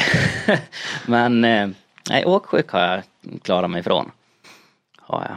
Ja, för eh, eh, det räcker ju att man läser bara på telefonen när man åker på vanlig landsväg för en annan så blir man ju Ja, då, då, har du, då har du för bra balans inne. Ja det är så. Nej men det finns ju förare som blir eller kartläsare som blir åksjuka men eh, de lyckas ju oftast hitta på någonting som funkar. Det är allt ifrån plåster bakom örat till något piller till något armband till ja, jag vet inte allt vad de har. Skönt att det går att experimentera fram en lösning. Ja precis, man, man har ju sett några skräckexempel liksom på filmer där Ja man har ju hört i alla fall. där kartläsaren inte mår bra. Då är det lite jobbigt. ja, det, det skulle inte vara så jäkla kul att sitta i en EM-tävling och så Nej. Men om vi börjar. Om vi går till 2019 då. När ni skulle göra ett helhjärtat försök du och Sindre på EM. Precis, och det här är väl Eh, det här är väl egentligen det roligaste året på ett vis hittills för här nu börjar det ju bli professionellt på riktigt. Vi får ett bra kontrakt med, med Saintelock Racing, eh, det franska teamet, i, med MPH R2. Och blir teamkamrater med bland annat eh, Luke Januk och Adielsson och eh, Sean Johnston och Katie Mannings. Och ehm, här ser vi lite grann, jag hörde ju liksom Mattias fick ju liksom leva i det här med att vara, vara andra föraren i teamet. Eh, kollar man på R2-delen så var ju vi, hade vi den förmånen att vara första förare. Och det, det, det, märk, det märks och det gör skillnad. Ehm, och det har varit väldigt kul att jobba under de förutsättningarna. Såklart. Det kan jag verkligen tänka mig att man har full uppbackning. Från både team och som om man säger team i teamet. Som Tindres crew var ju säkert med bakom också. Ja men precis, de är ju med på varje tävling och de är ute och, och vi gör ju det här väldigt seriöst. Och vi är ju liksom ute och de kollar väder på sträckorna och, och har koll på hur vägarna ser ut något sånär liksom till andra genomkörningen så vi får veta liksom lite hur uppkört det är och om det är något man ska passa sig för och så vidare. Och, eh, de håller koll på radion och skickar meddelanden till oss om de hör att många kör punkteringar och så vidare. För då, det gör att jag kan släppa det. Liksom att behöver, under tävlingens gång så behöver inte jag sitta och hålla koll på en massa kommentarer och vidare och så vidare utan eh, vi har folk som sköter det åt oss. Superskönt ju. Ja och det, det är liksom Ja, jag hör ju själv nu när jag sitter och säger man låter ju som en bortskämd hela spoling men Men det gör ju att vi kan fokusera det lilla extra på det vi ska göra, nämligen köra bil och läsa noter. Och det Jobbar man så här i allting så det, det gör en väldigt stor skillnad alltså. Gör det. Det kan jag verkligen tänka att man får en helt annan uppfattning när man har du har proffsmekaniker runt bilen, du har professionellt team som hjälper till med att, att nå er som före och ni koncentrerar er bara på det ni ska göra. Ja precis och det Jag menar från, från SM då liksom där Där man behöver styra allt ifrån boende till vart servicen ska, service, eh, scheman och liksom allt sånt. Det, nu talar teamet om för, för hur liksom det ska vara. Så det enda vi går igenom gemensamt är däckstrategi. Resten sköter de liksom med soppa och absolut allting. Jag kan ju tänka mig, det är ju inte gratis att komma in i en sån här sits heller men man kanske får värdera om arbetstimmar mot en extra peng för att få allt så här bra. Ja men precis och jag menar som de siffror som Adilsson har pratat på när han åkte EM i R2 så skiljer det inte jättemycket. Det, det är bara ett par hundratusen. Um, och då behöver inte vi krångla. Vi behöver inte bry oss om bilen mellan tävlingarna liksom. Vi behöver inte se till att allt folk kommer till och från tävlingar och hela den biten. Så det, det, det är inte så jäkla mycket dyrare att göra det i ett sånt team än att göra det privat. I alla fall när du kommer ut i EM. Det är ju skönt att det inte skiljer så mycket. Nej men det, och det, det har ju mycket att göra med att nu, nu kommer vi in i team som har de har lastbilar och de har flera bilar så, så liksom de kan ju fördela kostnaderna på flera bilar än om du gör det själv för då liksom det är bara du som står för servicebil, det är bara du som står för mat, det är liksom bara en sån sak som liksom maten, om man hade med sig en kock, det var ju liksom lite en annan som är modern pojke är liksom lite halvkräsen med mat. Som var såhär, åka ett franskt team, hur ska det här gå med mat? Jag kommer att svälta ihjäl. Och jag har inte ätit så mycket mat som jag har gjort i år, det har jag inte gjort i hela mitt liv tror jag. Det är helt fantastiskt. Bara en sån sak, liksom att möjligheten att ta med sig en kock och ha catering i teamet är ju ja, vilken grej liksom. Man presterar ju mycket bättre när man har bra, bra mat ja, i sig. Det... Alltså, det gäller ju att äta rätt också. Ja men det är ju så. Jag har som sagt alltid varit väldigt dålig på det. Jag har till exempel väldigt svårt att få i mig frukost på morgnarna. Um, vilket gör, men nu ett team där som liksom verkligen bryr sig och gör det, ja men då, det ligger bananer och chokladkakor och barer och allt möjligt har vi liksom i bilen när vi åker iväg så då kan man ju sitta och tugga i sig några tuggor här och där under första loopen. Så man liksom ändå får den energin som man behöver. Hur, skulle, hur gick året med EM-deltävlingarna? Ja, det började ju bra på Azorerna. Där blev vi tvåa. Trots lite strul på sista sträckan med ett motorfäste som rök. Men hade vi lite turen på vår sida. Alltså Elias Lundberg som vi nu tävlar emot då, istället för mig. Um, ehm, eh, fick ju växellåsproblem på sista sträckan så han tappade också tid. Så vi lyckades behålla andra platsen. Och det var väldigt skön revansch efter efter, ja, egentligen två tunga år för Sindres del. Så där, där rann det en del tårar när vi kom i mål på sista sträckan. Det var liksom väldigt, väldigt propp som löstes. Just att få komma i mål och äntligen få visa någonting.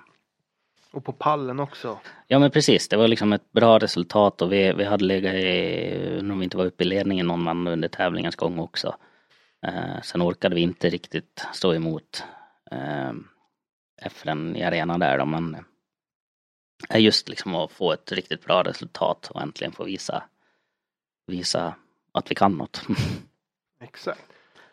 Sen bara av ner till Kanarieöarna. ja precis, det är lite populärt med de här ötävlingarna i EM. Jag tänkte säga EM, det måste vara ömästerskapet Ja. egentligen. Det är ju helt sjukt hur mycket öar ni får åka på. Ja, det enda som saknas är ju brittiska öarna.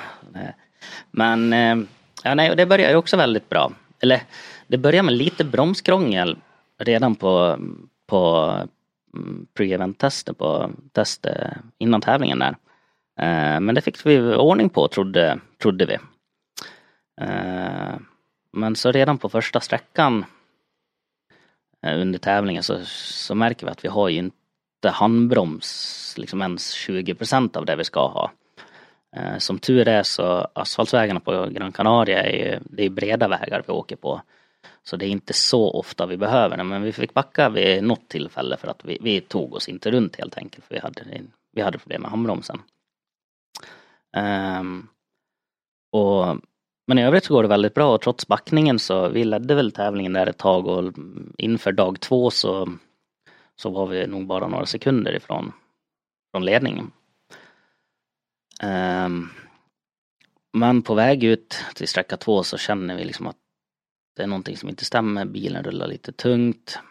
Och så provar jag känna lite på handbromsen, den tar ingenting. Och så när jag hoppar ur bilen innan sträckan och ska lufta däcken så ser jag ju liksom att bromsskivorna bak är glödröda och vi har en tre kilos lufttryck i bakdäcken. Eh, då ligger ju broms, bakbromsarna på. Och vi lyckas ta oss igenom första sträckan eh, hjälpligt. Vi får backa där en vända också för vi tar oss inte runt en hårnål och så vi tappar en 20-25 sekunder. Men det, det var ju liksom inte så här, det var inte hela världen. Vi hade fortfarande, hade vi kunnat få ordning på det så var det liksom fortfarande en pallplats inom räckhåll.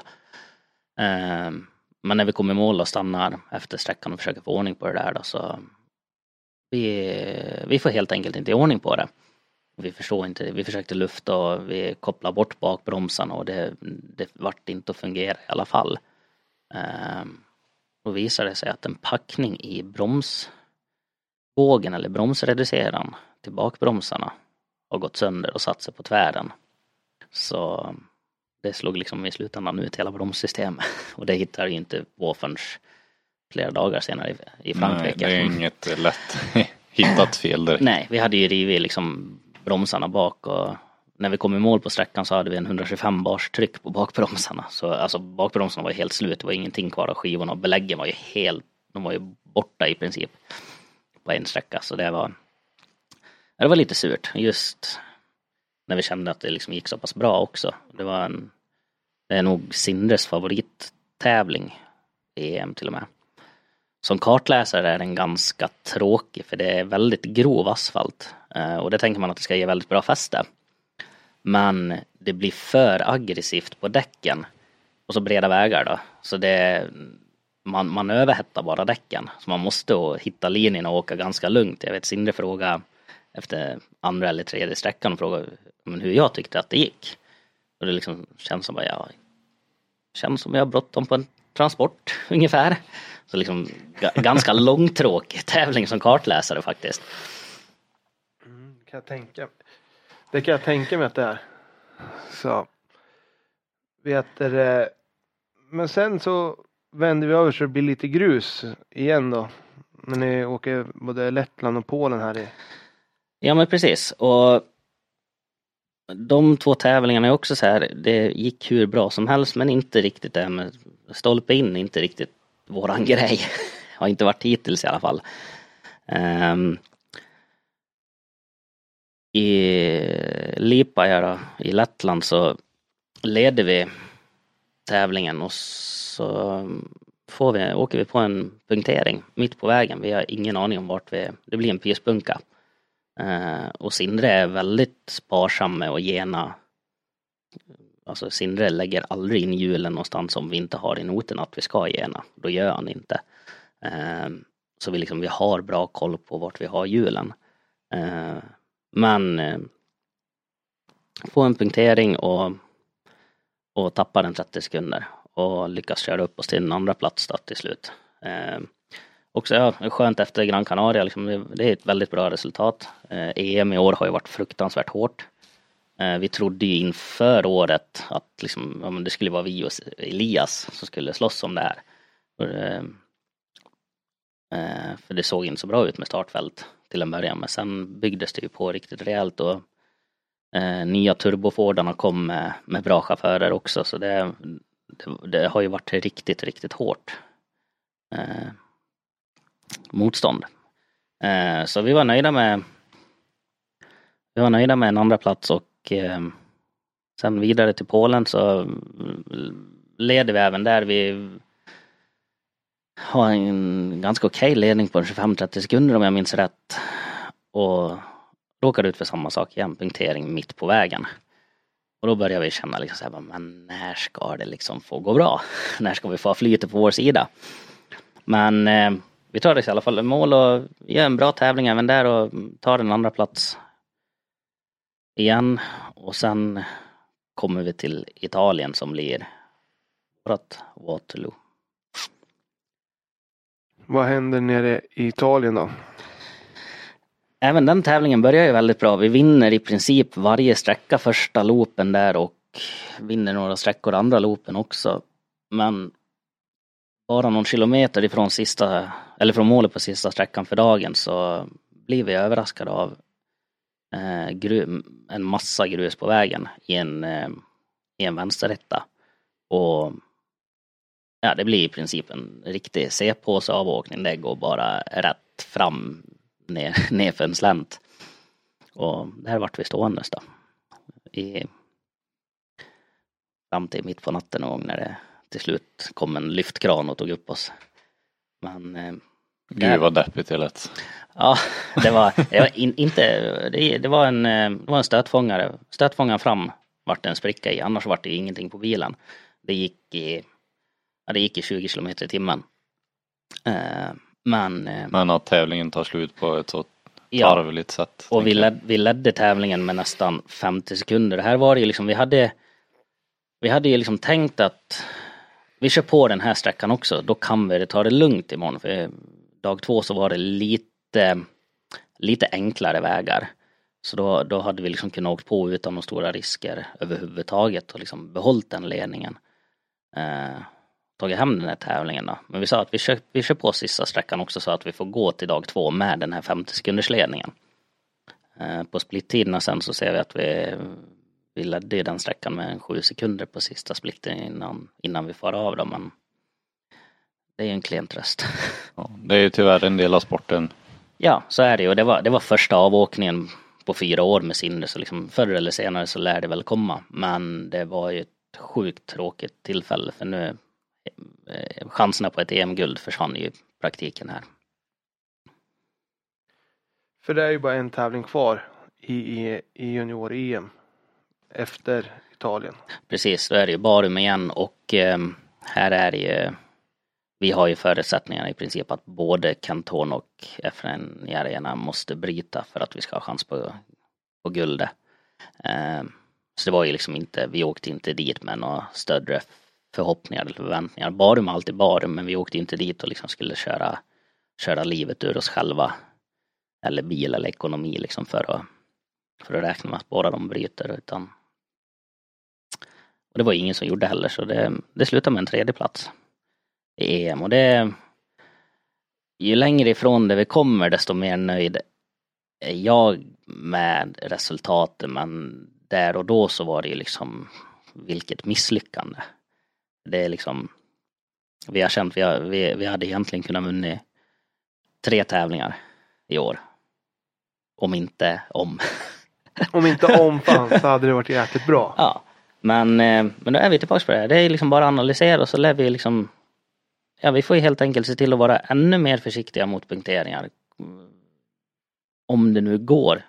Jag har aldrig åkt med någon förare som är så noggrann med att inte köra punktering. Men vi, jag vill liksom kolla på det igen och lika den här avåkningen och hur, hur kan vi liksom hade vi kunnat sett att det skulle dras ut grus där och, eller hade vi kunnat tänkt annorlunda. Vi hade kanske kunnat haft inställningen att ja vi åker på men i de åtta, nio svängar vi har grus i, för vi hade lite grus i noterna. När vi, när vi kommer så är vägen helt täckt. Um, har vi lite grus, då betyder det att det finns två ganska breda spår att åka i ändå. Uh, nu fanns det, nu var det liksom bara rull, rullgrus över hela asfalten. Uh, men vi hade kunnat tänkt att ja, men vi åker på som vi har gjort hela dagen, men vi tar ner oss lite i de svängar där vi har grus i. Och liksom just det här då, ja men vi, vi gjorde egentligen inget stort misstag där, men vi hade kunnat tänkt annorlunda och liksom tagit hem det där. Ett EM-broms är ju inte ett fyskam heller som du säger. Med, med lite distans till det så Ja, kan man kanske vara rätt nöjd ändå.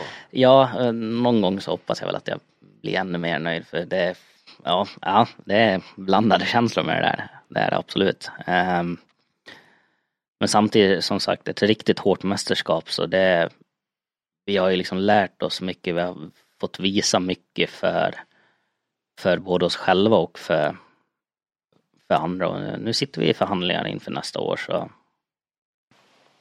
så jag hoppas att det har gett något ändå. Ja. Det är kul att förhandlingarna pågår för det, vi bör- börjar ju närma oss slutet på, på podden. Då är ju en given fråga 2020, vad, vad händer för Jim då? Ja, hade du frågat mig för två månader sedan så hade jag sagt, som det stod på Facebook häromdagen, att nu lägger vi ner det här. Men ja, väl motivationen kommer tillbaks lite grann så jag håller på att diskutera lite grann. Dels hoppas jag på en fortsättning med Sindre. Det beror alldeles på vad han får ihop och han, han har några bra spår som han jobbar på både i, både i tvåhjulsdrivet och fyrhjulsdrivet. Eh, I bra utländska serier. Ehm, sen har jag även kontakt med en kille i Kanada som jag håller på att diskutera lite med. Se om vi kan hitta på någonting. Och det skulle jag kunna göra mest för att eventuellt komma igång med med ehm, noter på engelska noter. Och kanske försöka skapa sig ett namn på det också. Eventuellt. Det låter ju jättespännande. Och vi får väl se då. Vad, vad skulle du, jag kanske inte ska säga vad, vad som lockar mest men jag kan ju tänka mig att engelska noter är ju något nytt att prova. Ja men visst är det så. Det är ju mest liksom Jag menar i Norden vi har inte supermycket folk ute. Alltså man blir Kan man visa att man klarar av engelska noter på ett bra sätt så då Då blir ju Förarmarknaden för en kartläsare blir liksom ganska ordentligt mycket större. Um, sen är väl det här kanske ingen förare som är liksom något Något toppmaterial så. Men Han har ganska mycket följare och liksom den biten, han gör en ganska bra show av det. Eh, så det kan vara en jättekul resa, kanske inte lika mycket resultatmässigt då, men det finns mycket annat man kan hämta. Ja, och så har vi några slutfrågor vi ställer till alla våra gäster. Och vi har ju kommit på en ny, eller i alla fall jag har ju kommit på en ny fråga. Eh, har du med dig någonting ut på transport eller någonting som du måste ha med dig i bilen för att känna att det, dagen kommer att bli mycket bättre om jag får med mig detta? Ja, noter. Ja, förutom noter då, givetvis. Eh, Du nämnde lite proteinbars och grejer förut. ja, precis. Nej, men det är väl Nej, jag har egentligen, ja, jag måste ha med mig snuset annars. Ja, då är det snuset då. Det är snuset, annars är ju dagen förstörd. Ja. och en annan fråga är ju bästa tävlingsminne. Oj. Eh, Du har varit med om några ja. fina minnen här. Alltså det, det ja, jag tror, jag tror inte jag kan säga någonting. Alltså ett jättefint minne jag har, det är jag och Elias åkte två tävlingar i Woken nu den här hösten. Ett jättetillbakasteg efter att tävla med varandra för några år sedan, tävla emot varandra i EM nu och så åka ihop i en wok igen. Och vi hade buskul. Alltså rent humormässigt så är det ju liksom roligaste tävlingarna jag åkt på ganska länge. Eh, Men sen an, andra platsen på Azorerna, den var den var skön. Uh, och självklart SM-guldet med Elias. Ja, några fina, riktigt fina minnen där. Uh, har du varit med om några garagetabbar? Du är ju co-driver nu men Ja. Eller har du ja, lyckats jag, göra någon egen? Jo, det har jag väl. Jag har ju åkt folkrace och skruvat en del där så. Nej, men. Inte något. Det är väl kanske man har glömt något verktyg någonstans eller något sånt men liksom inte så det har inneburit något ras på något vis. Nej men jag tror inte det har hänt något, något riktigt, några konstiga grejer. Kanske ska, kanske ska vända den frågan och co-driver miss. Ja, den är snygg hämtning där. Ja, ehm, nej men det är väl framförallt när jag läste åt en av bästa polarna där, liksom när det bara är på hobby och han lägger hela sin sin ekonomi på det och då var jag, jag var med och betalade startavgiften och så liksom läser jag av oss i ett vägbyte där. Det var ju liksom, den, den var tung. Det var, det var inget kul. En riktig kartläsarmiss alltså. Ja det var, det var han, han fick inte noten förrän vi i princip var i vallen så. Det... För man eh, får ju höra eh, av många förare som vill skylla bort sig på kartläsarmissar hit och dit. Ja, ja, jo men det spelar ingen roll vad som händer, det är kartläsarens ja. fel. Så det, det, har man ju fått lära sig, det är ju bara att leva med. Skönt att kunna skylla på någon alltid. Ja, ja jag kan ta den ja. Och sämsta skogsminne tänker jag på nu, sämsta tävlingsminne? Eh, det är nog kraschen där 2012. Ja, misstänkte det. Och sen eh, men bortsett från det så är det nog avåkningen i Italien. Det var, det var tungt där liksom. Jag och Sinrevik åt varsitt håll och så liksom. Jag kände liksom direkt när vi for över kanten att fan. EM. Mm, fan. Det är borta liksom. Så det var Det var inget kul. Det var tungt. Det var tungt. Ja, vi har haft en superrolig podd tycker jag. Med mycket nya synvinklar på, på hur en co-driver har det. Ja, ja men det jag har haft jättetrevligt. Sen märker vi på tiden här att vi har ju någon som gillar att prata. Den blir lite längre än vad de andra brukar vara. Men det är bara roligt höra en co-drivers infall på tävlingarna. Ja precis, ja, men det är lite, vi ser det från en annan syn och det, det har ju varit jätteintressant när man lyssnar på poddarna innan också, liksom man hör olika förare som man inte har åkt med liksom. Vad, ja, vissa ställen tänker man väldigt olika. Det, ja så är det Det är väldigt kul att följa podden. Vi tackar dig för att du ville komma hit och önskar dig stort lycka till framöver med vad du än väljer här. Ja, Tack så mycket. Daniel, vi har ju ett par avsnitt kvar att släppa i december. Yes. Och som sagt, in och följ oss på våra sociala medier. Rallypodden på både Instagram och Facebook. Och när ni har tid över så finns det ju faktiskt massa fler poddar på Onroaders att lyssna på som handlar om både drifting och gatbilar och lite, lite mappning och tuning också.